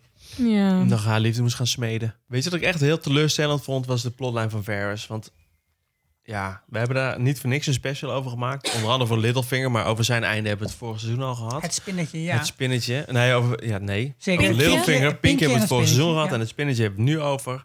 Die plotlijn, ik bedoel, hij is fucking slim. Hij speelt alles uit. Hij, hij leert allerlei shit van zijn, van, zijn, van zijn kleine vogeltjes. En dan nu in één keer ligt het zo dik erbovenop dat hij haar gaat verraden. En hij was het zelf ook niet mee eens trouwens, Conrad Hill. Dat is de acteur van... eh, eh, Hoe weet je dat zo zeker? omdat we die eh last... Nou, we hebben de Last Watch natuurlijk al een paar keer besproken. Maar we ziet daar ook heel dat van die, de docu. Dat ze zeg maar dat script gaan voorlezen met elkaar. En bij zijn sterfscène zie je gewoon... Ja, eh, we hebben het heel veel over in de flikker steken.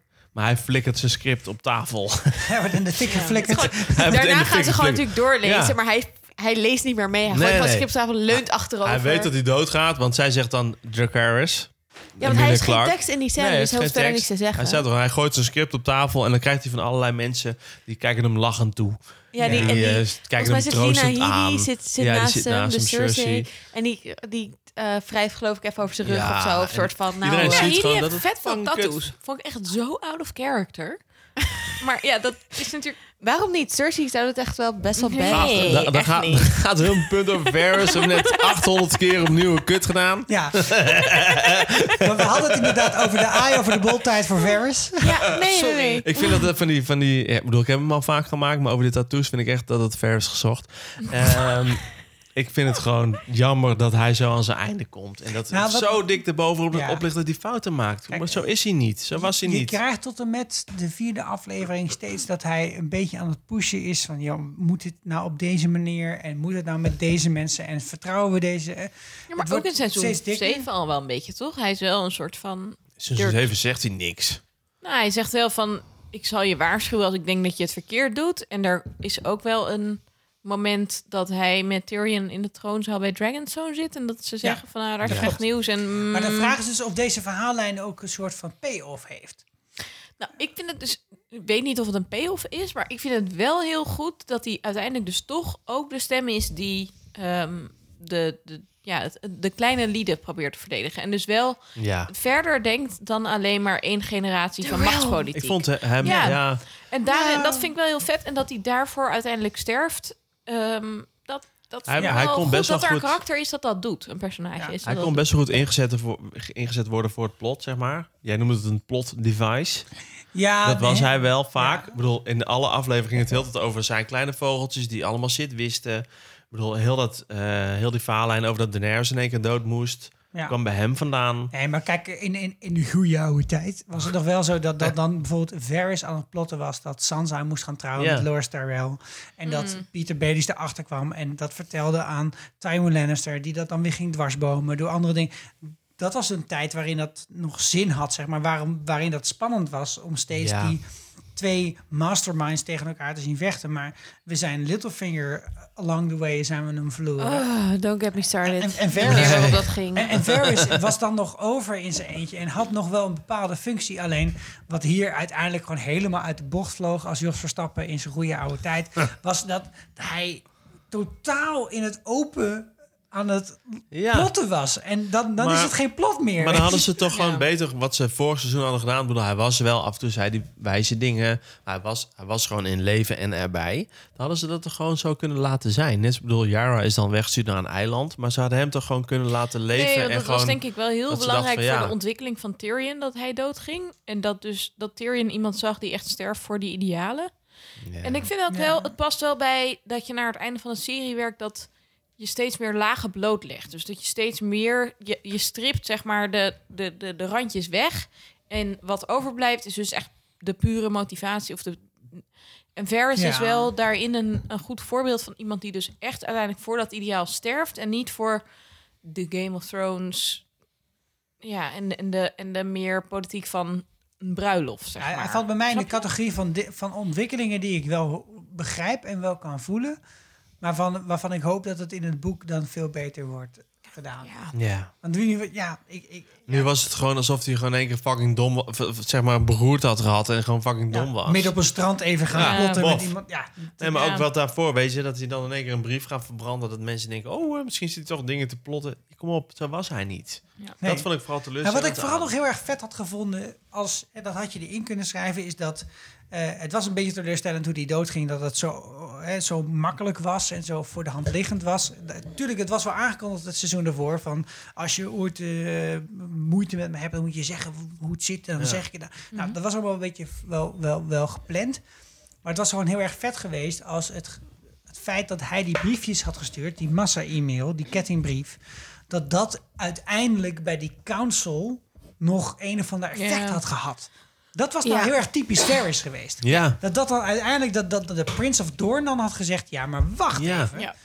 En, en, en, En iets dat- over die ja. afstamming van John, weet je Ja. wel. Ja, zeker. Ja, en dat dan de Prince of Dorn had gezegd, ja, maar ik heb laatst een mail gekregen waarin stond Ja. dat John eigenlijk Stond, de koning was. stond ik ook Ik in de carbon Twitter. copy. Ja. Ja. En, en, en dat is niet gebeurd. En dat, dat, dat is ook weer zo, dat is een gemiste kans. Ja. Hadden ze best kunnen doen. En ik ben benieuwd hoe dat dan in het boek uiteindelijk gaat werken. Eens. Ehm, wat ik heel erg eh, typisch vond als ik terugkijk op de serie, maar ik denk dat je dat in dit seizoen het meeste ziet. Ehm, ik kreeg een stuk doorgestuurd van Tessel Bouwduin, een van onze eh, enthousiaste luisteraars. Die stuurde een stuk dat geschreven is door Kavita Moedan eh Finn. En ehm, dat gaat over de geschiedschrijving waar George. R. Martin zich op baseert. En daar hangen veel van de problemen met hoe de plots van de Dothraki en de Unsullied zijn afgerond mee samen. Oké. Want we hebben het wel eens eerder genoemd. Het is heel raar dat die Dothraki allemaal nog leven en de. Unsullied de helft daarvan na de Battle of Winterfell. Ehm, het is ook überhaupt raar dat ze raar mee zijn gekomen. dat die meegaan en Ja. dat die in de frontlinie vechten en dat gewoon alle gekleurde soldaten als eerste worden opgeofferd. Dat is natuurlijk al Maar ze raar. leven toch? Nou, het is een beetje dit. Nee, nee. We must use caution. Each battalion has a specific code name and mission. Battalion 5, raise your hands. You will be the all-important first attack wave, which we will call Operation Human Shield. Hey, wait a minute! Now keep in mind, Operation Human Shield will suffer heavy losses. Battalion 14... Right, you are Operation Get Behind the Darkies. You will follow Battalion 5 here. And try not to get killed, for God's sake. Are there any questions? Ja, dus dit is een beetje de Jar Jar Binks movement. Dat je dan alle mensen met kleur eerst doodgeschoten laat worden. En dat dan pas de echte helden aan de beurt zijn. De excuuspersonen. Maar dit noemen is ze Sowieso is het heel problematisch, Dat is hè? super kleur in pijnlijk. deze Want je, ziet, je hebt dus heel weinig personages van een andere kleur dan heel erg wit in deze serie. En ehm, je hebt ook heel weinig personages die dan daadwerkelijk ook nog wat te zeggen krijgen. Je ziet die personages bovendien voornamelijk vanuit de blik van wel witte personages. Dus eh Daenerys en Tyrion zijn goede voorbeelden. En dat laat heel duidelijk zien dat de, ehm, George R. Martin zegt dat hij zich in zijn boeken heel erg heeft laten inspireren door geschiedschrijving over de middeleeuwen. Dus eh, echte wetenschappelijke literatuur over hoe dat toen was. Maar die geschiedschrijving waar hij zich op baseert, was eigenlijk al heel ouderwets. Want zijn boeken kwamen uit in de jaren negentig. Ehm, dus hij baseerde zich op boeken die dus nog eerder waren uitgebracht. Ja. Ja. Dus onderzoek van nog eerder. Hoe keken ze dan in de middeleeuwen naar andere mensen? Nou, bedoel nee, nee, gaat over- wat is xenofobie in de middeleeuwen? Gaat Nou, het dan daar- over daar- dan toch? Kijk, er Nee, het was, gaat over de schrijvers van de geschiedenis. Nee, dat weet Dus ik. Maar ik denk tot de jaren eh 90 eigenlijk. Mm, Jaren 70 is er wel een kantelpunt al, maar in de jaren 90 wordt dat nog veel sterker. Wordt er heel erg gekeken van in de middeleeuwen was er weinig ruimte voor andere culturen. En weinig ruimte voor uitwisseling. En was het heel erg Europa tegen de rest. Hashtag kruistochten. Ja, en dat beeld is Toch? eigenlijk heel erg gekanteld. En dat is dus heel erg bijgestuurd de afgelopen twee decennia. Maar George R. R. Martins manier van geschiedschrijven, of van fictie schrijven, is dus nog gebaseerd op die ouderwetsere geschiedschrijving. Waarin dus heel erg wordt uitgegaan van een scheidslijn tussen het Westen en het Oosten. En die is Wat dus dus in de praktijk waarschijnlijk niet zo was. ja, wat, wat dus inderdaad inmiddels als een zeer achterhaald beeld wordt gezien. Maar daar wordt de serie wel heel erg door gekleurd. Nog Ja. veel sterker, denk ik, dan de boeken. Want in de boeken wordt er elk geval moeite gedaan... om een volk als de Dothraki te doorgronden. Al gebeurt dat wel door de blik van Daenerys. Dus je En ziet Jorah. wel... En Jorah, dus je ziet steeds een wit perspectief op eh, een ander volk. Maar dat is ook hoe wij andere volken nu zien, helaas. Ik bedoel, nee, Ja, ik bedoel, we dat leven is nu niet- met, met elkaar in één land. Maar Het is dat op zich niet onwaarschijnlijk van dat, was je altijd een volk ziet Ze, vanuit je eigen zeggen, maar perspectief. men. Ehm, maar dat is in een Ja. serie natuurlijk wel extra pijnlijk als je steeds alleen maar een volk Ja. ziet vanuit dat perspectief en nooit vanuit zichzelf. En dat je dus nooit ook een personage hebt dat dus echt Ja. zelf uiting Dat geeft. een aan de POV, dus een point of view willen zien. eh, Precies, dat is er dus niet. Maar, zien, en het speelt heel erg in op ehm, eh, vooroordelen of bestaande eh, tropes. Ja. Eh, ik weet niet wat daar het goede Ja, woord voor is. ja, topoi. Die bestaan over west, west versus oost, wilde versus Dus de... beschaving versus Precies. de barbaren. Dat is heel erg wat je steeds blijft zien. En aan de andere kant kun je ook zeggen dat het feit dat Daenerys het uiteindelijk moet afleggen tegen de legers van het noorden ook weer een soort verhaal is waarbij de kolonisator Westeros uitgekikt wordt. Dus een witte kolonisator die door de inheemse wordt verslaan. Ook heel gek. En ik wil het daar heel graag over hebben in onze terugblikken over alle seizoenen. Maar wat je dus wel heel erg ziet en waarom die verhaallijnen zo doodslaan over de eh Dothraki en de Unsullied, is denk ik dat je dus een heel eenzijdige blik krijgt op andere volken en op ehm, hoe de, de middeleeuwen, en het is heel raar dat je het over de middeleeuwen hebt bij Game of Thrones, want ja, eh, het is een fantasy-serie. En ik wil nog even het punt maken dat ik in de boeken las dat er gewoon al een telescoop is in Winterfell. En de telescoop wordt pas Ja. uitgevonden in de fucking 17e eeuw. En dat zijn niet meer de middeleeuwen, bitches. maar er dat- was ook geen magie in de middeleeuwen, dus het is allemaal Oké, fantasy. people, rustig aan, rustig aan. Je hebt hier twee historici aan tafel. Dit is een beetje zoals dat jij toen echt losging over hoe vuur werkte. Ja. Mag dat? Nee, nee, dat mag zeker. Dat mag zeker. Goed. Maar, Dus- eh, maar ik, ik moet zeggen dat, dat jij stuurde mij dit stuk door. En ik was ook wel even. eh, ik schrok ook wel even. En Ja. dat was meer omdat eh, de, de reden waarom ik Game of Thrones zo vet vond. Mhm. Was omdat ik steeds het gevoel kreeg dat het historisch accuraat was of zo. Dat het op een of andere manier klopt met hoe de geschiedenis was. En, en dan. Ja, natuurlijk is het zo dat de mensen die geschiedenis schrijven, die veranderen jaar na jaar na jaar. Dus als je 30 jaar terug gaat in de geschiedenis en je vraagt dan hoe kijk jij terug op de geschiedenis, dan is dat een ander antwoord dan als je dat vandaag de dag zou vragen. En, Maar gelukkig is- en het zijn, zijn grote verschillen, want de, hè, dus de ene historicus Ja. die zegt je moet gewoon kijken naar mensen die heel groot zijn en heel belangrijk.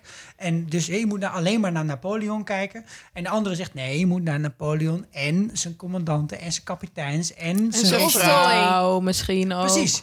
Ja, die dingen spelen allemaal mee. Maar ik heb de, de- wat, ik, wat ik wel heel, waar ik wel echt van schrok, ook om, in het terugkijken van deze serie, is juist dat het wel vrij ehm, divers begon. Mhm. In de zin dat er in ieder geval een, een, een perspectief was op wie die Dothraki waren en wie al die verschillende groepen in Westeros waren. En dat daar aandacht voor was. En in het laatste seizoen maakt het helemaal niet meer uit. Het was echt gewoon van, nou, we zetten gewoon al die Pakistanen gewoon vooraan op de, Ja. op de linie. Die worden allemaal doodgeschoten en dan, eh, dan, dan kunnen de, de Britten kunnen aanvallen. Maar daarbij moet je dus niet uit het oog verliezen dat zelfs in de boeken het al problematisch is. Dus het is niet alleen een probleem van de serie en de Nee, laatste nee, twee nee, seizoenen. Dus het is gewoon ook al problematisch dat je het oosten echt alleen maar ziet vanuit de blik van het westen. Dus Maar- Daenerys en Tyrion. Laten we het wel, we- laten we wel wezen. De schrijver van het boek is een witte man. De schrijvers van de serie zijn twee witte mannen. Wat kunnen we verwachten? Ja. Gesproken vanuit de jonge witte mannen, hoop ik dat de huidige generatie science fiction schrijvers, wat die ook mogen zijn, man, vrouw, wit, zwart, noem maar op, alle Paard. de differentiaties. Paard, Alien. Eh, dat, ze, dat we het huidige wereldbeeld dan weer meenemen in de boeken die op dit moment worden geschreven. Dat Ja. lijkt Ja. me vet. Ja. Ja, toch? Ja, en dat kan ook zeker weer hele leuke nieuwe fictie opleveren. En Dat ze over 50 jaar En denken echt, dat ze denken van, wat de fuck waren hun denkbeelden Nou ja, in ik- 2020? Ga Ik moet nog steeds ook wel eerlijk toegeven dat als je kijkt naar hoe wij, eh, zeg maar, vier jaar geleden een podcast maakten en hoe Game of Thrones acht jaar, negen jaar geleden Ja. eruit zag, dat daar ook echt een heleboel veranderd Ja, is. zeker. Het is niet voor niks dat wij onze pilots eh, op een gegeven moment offline gehaald hebben. Omdat er echt heel veel ongenuanceerde dingen in zaten. Nee, maar, nee, maar weet je wat het is? Ik denk dat het, eh, ik vind, vind, vind het punt heel erg goed. Ook over hoe George R. Martin dit geschreven heeft. En ik denk dat het ook wel gewoon een goed punt van reflectie is. In ieder geval dat het er is. En dat je ook zelf kan nadenken over hoe je dan zelf over de wereld denkt. En hoe je dan zelf misschien zo'n wereldbeeld zou schrijven. Nou, dat, ik Ja. schrijf geen boeken. Maar iedereen die dat wel denkt, hopelijk. Ik heb net twee super vette fantasy series gelezen van niet-witte schrijvers. De ene niet-witte vrouw, N.K. Jemisin, de Broken Earth Trilogy. En de andere niet-witte man, eh, Rosewater. En het zijn super vette fantasy boeken. Dus iedereen die van fantasy houdt. En serieus, het, ik bedoel, die kleur zo maakt helemaal niet uit. Maar het is zo vet. Mijn vrouw is ook Dus Broken moderne- Earth aan het lezen. het Dat is zo eh, vet. Super cool. Dus er wordt hele goede moderne fantasy geschreven die Ja. meer past bij de, wereld, de manier waarop we nu naar de wereld kijken dan de tijd dat George R. R. Martin Game of Thrones Er is een leven na Game of Thrones. En dat is zeker zo, ja. Maar voordat we dit helemaal afsluiten, wil ik nog even hebben over eh, toch een paar plot devices die in, deze, eh, in, de, in dit seizoen een belangrijke rol hebben gespeeld. Eigenlijk ook in het vorige seizoen. En een daarvan, dat is er eentje, die heb ik eh, een tijdje geleden gepost op Reddit. En het heeft best wel veel puntjes opgeleverd. Toen dacht ik, nou, dan moet ik het ook maar bespreken in de podcast. Upvotes. Upvotes. En dat is een- iets waarin, waaraan ik me echt heb gestoord, ook in de ontwikkeling van de seizoenen. En blijkbaar meer mensen. Wat niet klopt met de boeken ook. Dus, en het gaat over het volgende. Het zijn de White Walkers en de Whites. En hoe je ze doodmaakt. Daar heb je het echt wel heel vaak over gehad en I love it. Ja. Maar je hebt gelijk. Maar het, het, het probleem in het hele verhaal is dat eh, we hebben altijd geleerd dat White Walkers dood te maken zijn met obsidiaan of dragonglass. En dat blijkbaar vanaf seizoen 5 je ze ook dood kunt maken met dragonglass. Eh, het is- sorry, eh Dragonsteel. Valerian Steel. Dat bedoel ik. Maar dat is Ja, hetzelfde. ja, dat is hetzelfde. Nee, je hebt gelijk. Het is gewoon Maar die klopt. Whites, die zijn eh, van, in de laatste aflevering van seizoen 4, dan wordt eh Bran aangevallen en eh. Mira en uh, Jojen Reed worden aangevallen door van die skeletten. Wat dan Whites zouden moeten zijn. En die kunnen ze gewoon kapot maken door ze eh, te onthoofden. En je kunt ze kapot maken door ze in de fik te zetten. Ja, op zien we in die derde aflevering, hè? Precies. En op Ja. een gegeven moment komt er een moment dat er wordt gezegd: ja, maar die Whites die kun je ook doodmaken met Dragonglass. Maar dat zit helemaal niet in de boeken. Nee. Dat, is, dat wordt nooit genoemd en dat is, ook, eh, dat is ook expliciet niet een onderdeel van het verhaal. En ik heb heel lang nagedacht over hoe komt het nou dat ze die Dragonglass zo belangrijk hebben gemaakt om de, het leger van de White Walkers en dus ook de Whites kapot te maken. En als je gewoon een klein beetje distilleert, een beetje inkookt, dan is het enige wat je overhoudt uit de afgelopen twee seizoenen is dat John en Daenerys elkaar moeten ontmoeten. Mhm. En de reden dat ze dat doen, is omdat er fucking Dragonglass op Dragonstone is. Mhm. En er is verder niet echt een hele goede andere reden waarom dat zo is. Ja, want volgens mij Daenerys nodigt hem uit om te komen. En dan schrijft Tyrion een briefje naar John. En John denkt dan, mm, nee, totdat hij hoort van Sam... Precies. Van er is daar ook heel veel Ja, Dragonglass ze krijgen tegelijk, Ja, hij krijgt tegelijk die twee briefjes en dan zegt Ja. hij van nou, dit is gewoon een goede reden om wel te gaan. Ja. En dat is zelfs een moment waarop er heel erg wordt eh, ingezet in aflevering 4 van seizoen 7, dat ze dan in die grot ook gaan, Mhm. waar ze dan ook die White Walker tekeningen vinden en Children of the Forest, dat ik dacht nou... Met al die spiralen die Ja. symbolisch zijn Super en mooi. symbolisch. It's very, like, very symbolism. Yes. Maar dat was het moment dat ik dacht, nou nu ga ik echt leren hoe het eh, echt allemaal in elkaar zit. Ja. En uiteindelijk aan het einde van seizoen 8 leren we dat het helemaal nergens over ging. Ja. En dus de, echt de enige reden dat, Jor- dat, dat John helemaal naar Dragonstone is gegaan. Maar denk je dat dat is door de serie? Of denk je dat het in de boeken ook zoiets gaat worden? Nee, ik denk dat het echt heel erg in de serie zit. Ik denk dat, dat, dat, dat Ja. eh, Danny en, eh, Benioff en Weiss een, mo- een, een reden nodig hadden om dat samen te brengen, die twee verhaallijnen. En dit was een hele makkelijke manier om het zo snel Ja. mogelijk Dit te was doen. een plot Ja, wat device. we Het was een plot device. Want wat ik ook heel, wat ik heel storend vond aan de derde aflevering van dit seizoen, is dat ze dus de muren hebben behangen met Dragon Glass en Ja. de wc's. En ze hebben, ze hebben hun eigen armor volgen. Het hele tegel- en kitwerk bestaat uit... vol met fucking Dragon Ja, Glass. inderdaad. konden En er de- niet omheen. En er is één moment waarop je echt ziet dat dat Dragon Glass dan heel erg dodelijk is voor White. Bij Dat die als- precies als, Joe, als de Lysa Mormont wordt, Lyanna eh, Mormont. Lyanna Mormont wordt aangevallen. En dan steekt ze hem door zijn ogen en dan valt hij uit elkaar. Hè?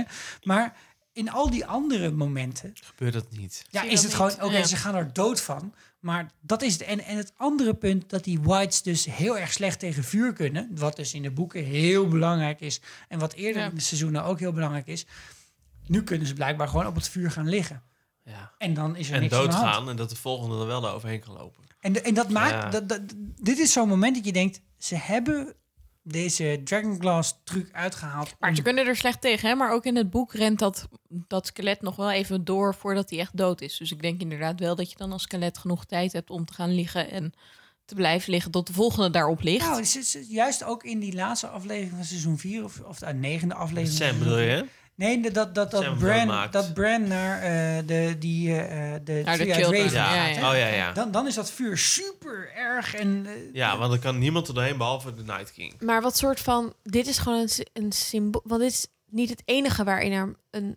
een eh, ehm, eh, wat Plot zeg je? device. Plot device is.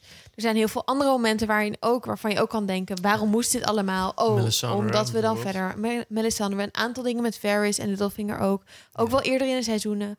Ehm, maar ik denk het hele punt is eigenlijk dat het gewoon zonde is dat heel veel dingen waar in eerste instantie heel, die een heel erg big deal zijn, waar goed over na is gedacht, wat echt effect heeft op andere dingen, dat in het laatste seizoen het eigenlijk omver wordt gevo- ge, ge, ge- geveegd. Wijn. Ehm, en dat het, waarom? Vanwege het effect. Vanwege, Ja. maar het is super vet, want we zien een Ja. brug van dode white waar je over Maar kan het is lopen. natuurlijk ook echt heel moeilijk. Want ik denk dat de schrijvers ook wel... eh, ik denk wel echt dat ze ge- soort van gebonden zijn. Of dat nou contractueel of soort van moreel bijna is. Om zich te houden aan het einde wat George bedacht heeft. Dus ze hebben van hem een soort van einde meegekregen. Maar niet de manier waarop hij daar gaat komen. ja. En dan Ja. is het natuurlijk frustrerend dat ze niet gekozen hebben om daar twee seizoenen van tien afleveringen van te maken. Want HBO natuurlijk super graag had gewild. En dat ze dachten, nee, we willen gewoon door met Star HBO Wars maken. neem hoeveel tijd en hoeveel geld je nodig Ja, hebt en maak Wij het. geven het. Dat is prima. En inderdaad, goede houding. En ze dachten, nu ben ik wel klaar mee. En ik snap ook wel dat je denkt, ja, ehm, ik weet ook niet hoe ik dit moet oplossen. Dus eh, ik ga daar gewoon maar snel overheen. En laat ik Maar heb wij het baan. beter gedaan. Ja, Inderdaad. het, het is meer het gevoel dat je, dat, dat je denkt, hier is een gebrek aan creativiteit. En, en laten we dan even dit onderwerp van die whites en zo even achter ons laten, maar dan gewoon teruggaan op het punt waar we in aflevering 5 over waren begonnen. Dat je ineens King's Landing een soort van hele grote plek eromheen geeft waar blijkbaar legers kunnen staan en, eh, en, en een bepaald type baai. Ik heb, je kunt ook zeggen, oké, ik weet waar ik ongeveer uit moet komen, maar ik weet ook wat de restricties zijn. Ik weet hoe het landschap eruit ziet. Zo moet een gemiddelde... Ja. oké, behalve dat je dan niet weet hoe het einde is. Maar Ze hadden best moet- de moet regels leger- moeten kunnen lezen Een legercommandant moet ook omgaan ja. met het terrein waarmee die, Ja. eh, is, eh, waarmee Ja. die is opgescheept. En, en dat is hetgene dat ik denk... Ze hadden op een aantal punten echt wel veel creatiever kunnen nadenken Ja, over... als het er zo uitziet, hoe moeten we dan oplossen Ja. om dit Ja. eh, geloofwaardig te maken? Ja. Maar is dat- gewoon niet dat gebeurd. is ook in die documentaire. Dat, dan zie je dan op een gegeven moment is er iemand die zegt... ja, we moeten een eh, afgehakte arm maken of zo. Ja. ja, maar deze persoon draagt dit en dit kostuum. Ja, dan kan een afgehakte arm kan eigenlijk Oh, niet. dan geef Ik hem maar korte mouwen. Oh, nou, nee, ja, zoiets. Maar er wordt wel over na. Er wordt wel een soort. Oh, oké. Oh, dus je denkt er wel over na wat dan klopt binnen. De, oh, dan kan je dan misschien ook gewoon één persoon aanstellen om te bepalen of het Gen Gendry Rivers of Gendry Ja. Waters Ja, moet precies. zijn of zo. toch Ja. bezig Ja, dat sowieso. Dat gewoon- maar, maar dat en, en op al die dingen denk je inderdaad. Ik vind dat de Henry Rivers het verhaal wel dat het eh, gewoon wat we al zeiden eerder dat de schrijfstijl gewoon of dat de schrijvers gewoon wel steken hebben laten vallen.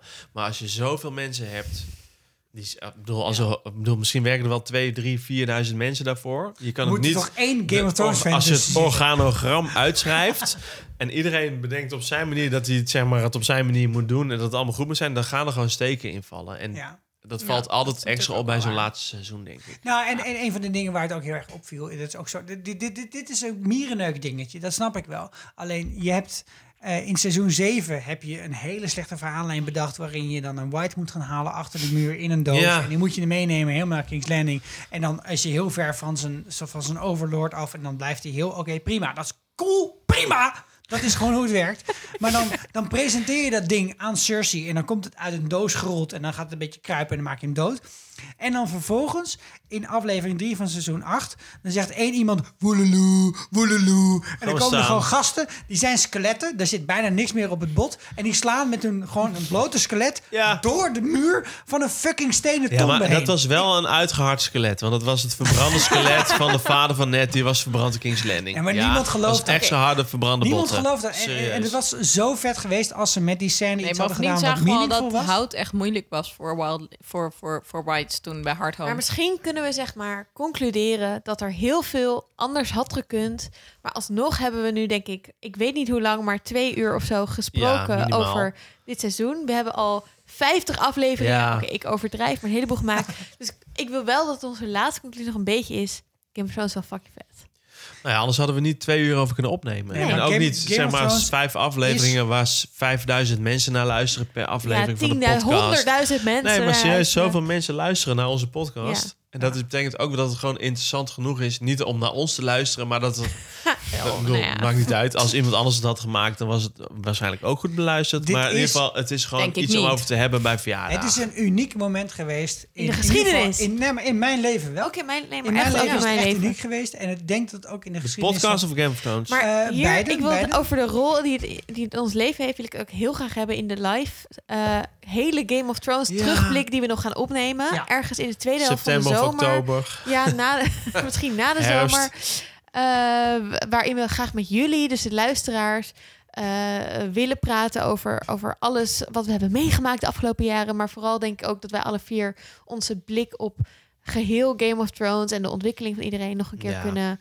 Ja, ik wil er ook, we moeten het ook nog even een beetje laten bezinken. Je merkt ik Ja. ook dat we allemaal nog een beetje zitten in die flow van dit seizoen en wat er allemaal is gebeurd. Maar ik wil ook nog even Ja. alles eigenlijk terug gaan kijken. Nee, en hoe goed er allerlei story- verhaallijnen waren van allerlei mensen. Dat gaan we zeker nog bespreken. lievelingspersonages en scènes. En, Ja. ja, dus daar heb ik heel veel zin in. Daar gaan we zeker op terug. Ah, Dus, En in de tussentijd dan? In de tussen, wat, wat ga jij eigenlijk doen, Esther? Ehm, vakantie. Ik ga op vakantie. Ik lees dus nog steeds heel veel vette fantasy. En ik wil eigenlijk wel weer een eh, vierkante ogen show seizoen maken. Want hè, ik heb ook een andere podcast gemaakt, twee seizoenen, over popcultuur. Veel breder dan Game of Thrones. Dus Handmaid's Tale, Crazy Ex-Girlfriend, de andere helft van de popcultuur in het bakt. universum. Heel Holland Bakt, Wie is de Mol. Ja. Je kan ze allemaal terugluisteren in de, in de App Store. Maar misschien dat ik wel weer een nieuwe seizoen ga maken. En dan mogen jullie ook heel graag aanschuiven Jee. bij, eh, bij mij aan tafel. Eh, dus dat is mijn idee. Nou, ik ga met ehm, Freddy Spook, the first of her name, Ah. eh, het Westerpark onveilig maken. Dat is mijn schrikpuppy. En eh, als Warden of the West De neem ik die taak op mij. I love it. Oké. Ik ben mijn studie aan het afronden. En ik eh, hoop dat zomer, het einde, ik hoop de zomervakantie te halen. Zoals iedere leerkracht in deze tijd van het jaar. Op het tijd van het het schooljaar te halen. En je hebt ook een huis met een open riool, toch? Nee, niet meer. Die is gesloten. Dus eh, Het zou best kunnen huis het is feit bijna dat af. de live show misschien pas na de zomer wordt. Dat komt, wij het omdat allemaal het, rete omdat Sander hebben. even... Allemaal Ja, hebben we we allemaal, we allemaal. Maar ik wil vooral jouw supporten in je... Nee, en ik, en ik ben ook wel veel podcasts aan het luisteren. Ik ben, de, als iemand het luistert, kan Krokante Leesmap. Krokante Leesmap. Geniaal. Shout out. Ja, Luister het terug. Ik luisterde vandaag een stuk en toen dacht ik, ja, come to the point, people. Ja, maar dat is Nee, helemaal maar niet- nee, gaat, niet ze hebben geen punten. Daar gaat het om. Look who's talking Maar na tien minuten, na tien Ja. minuten gaat Nee, alleen maar over frikandel En, het en, en, en, en- en weet je wat ik ook ga doen? Ik ga op vakantie en ga nadenken over onze live show. Maar ook hoe frisse vuur liedje daarna. Of Ja, en hoe we daarna verder gaan. 2.0. En eh, daar heb ik heel veel zin in. gaan we enorm over nadenken. Ik ga wennen aan het vaderschap. Dat ben ik nog steeds aan het Ja. doen. En dat is eh, best wel veel werk. En ook heel weinig slapen. Al die borstvoeding die je moet geven. Ja, en dan vervelend, jongen. En ook echt, hij zuigt hard. Aan je, aan je borsthaar bedoel je wat? Nee, ik heb me- met enorm veel plezier ook weer dit seizoen in elkaar gecharterd met jullie. En eh, ik kijk er met veel plezier op terug. Ik ook. Maar het is Ja. goed dat gaan er eventjes een klein beetje pauze is. Zeker. Zeker. En wij gaan bij jullie terugkomen. Ja, je Zeker hoort eh, zeker binnenkort hoe we de live special gaan aanpakken. Ja. Zeker. Sowieso. Volg ons op alle socials. Twitter, Facebook. Ja, website. Zal ik die ding even noemen? De app. Het even, dit is jouw. NLGOT podcast. Als je ons op Twitter wil volgen. Je kunt ons mailen op info.frisenvuurliedje.nl of op frisenvuurliedje.gmail.nl als je van de oude stempel bent. Eh, je kunt ons via Facebook bereiken bij slash fris en liedje. Je kunt dingen doneren. Trouwens, we moeten onze donateurs nog Ja, maar die gaan we Ja, naar gaan we de zo outro. doen. Of, nee, wacht. Wij wacht. zijn er klaar voor. Wacht even. Ik, ik ga Voor- gewoon nu dat muziekje instarten. Bam! Wij zijn echt fucking blij met fucking veel donaties. Met name Holy uit shit. de appgroep. Echt heel blij. En Esther had iets speciaals bedacht, geloof ik. Esther? Nou, wat we nu gaan doen is wel heel speciaal. Ja. Namelijk iedereen bedanken. Ja. Maar als je dat nou heel leuk vindt, doneer dan vooral nu. Dat kan via, dat, volgens mij hebben we het allemaal genoemd. maar je Ja, kan luister even anderhalf uur terug. Met Dan info ben je er. at Visvuurliedje, naar al die socials dingen. Je Ja, kan gewoon ja. zeggen, ik wil doneren, dan sturen we je een tikkie, et cetera. En dan gaan wij nog iets specialers bedenken voor een manier waarop we je kunnen bedanken tijdens onze live show. Oh man, heb ik echt nu al zin om dat te gaan doen. Het wordt een lied. Weet je Maar- wie als eerste bedanken? Wie gaan we als eerste bedanken? Maurits Kraai. Ah, Maurits. Vervolgens bedankt meneer of mevrouw Blikslager. Dankjewel, Tim. Ja, en Daan uit de appgroep. Super bedankt, man. En ook voor de selfie trouwens.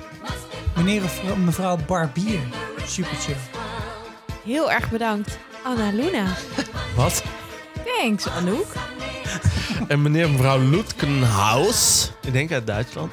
Ik ben heel tevreden met de donatie van Victoria.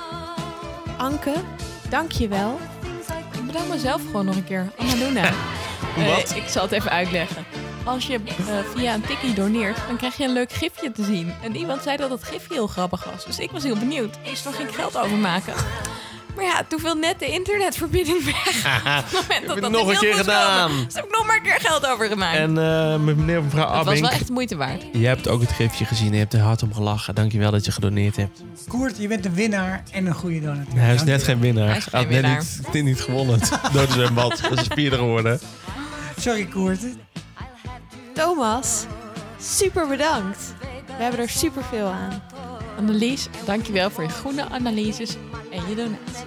En degene met denk ik de meeste input in de WhatsApp groep. Nikki Buitenhuizen. Nikki! de zus van Joyce. Dankjewel Nikki. Hey Joyce, waar zijn die kelken? En Laura de Bever, dankjewel voor jouw input. Meneer of mevrouw van der Vos, heel, heel, heel erg bedankt.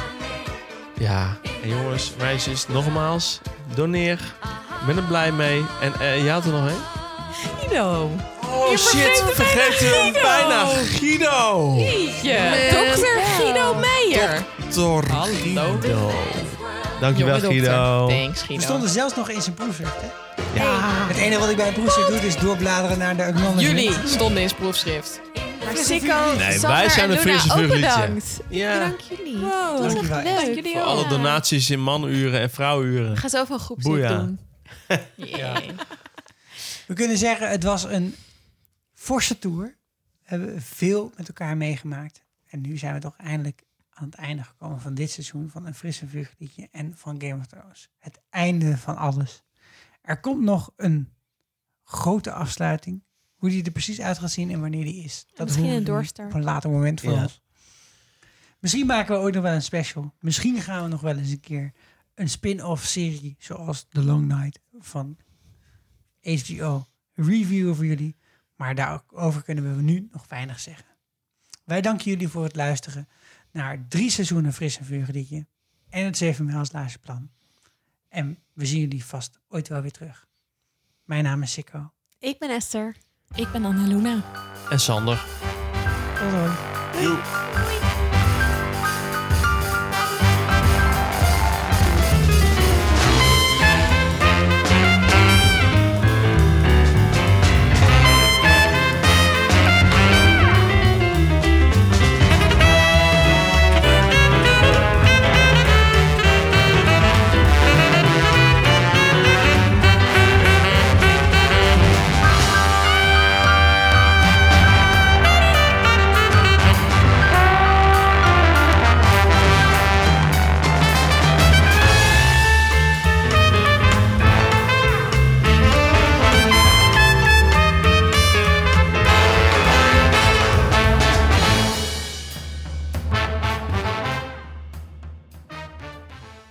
pam pam pam pam pam pam pam pam pam pam pam.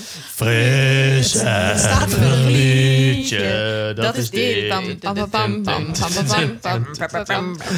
Fris en vurig liedje, dat is dit. Ben wel blij dat pum, Esther niet meer in mijn pum, koor zit. Pam, pam, pam, pam, pam. Maar je hebt dit keer niet gegiegeld bij het begin. Dat was ook heel erg leuk. Terwijl als ik het was geweest, had ik gelachen. En niet gegiegeld. Jij giechelt ook wel eens. Zullen we beginnen?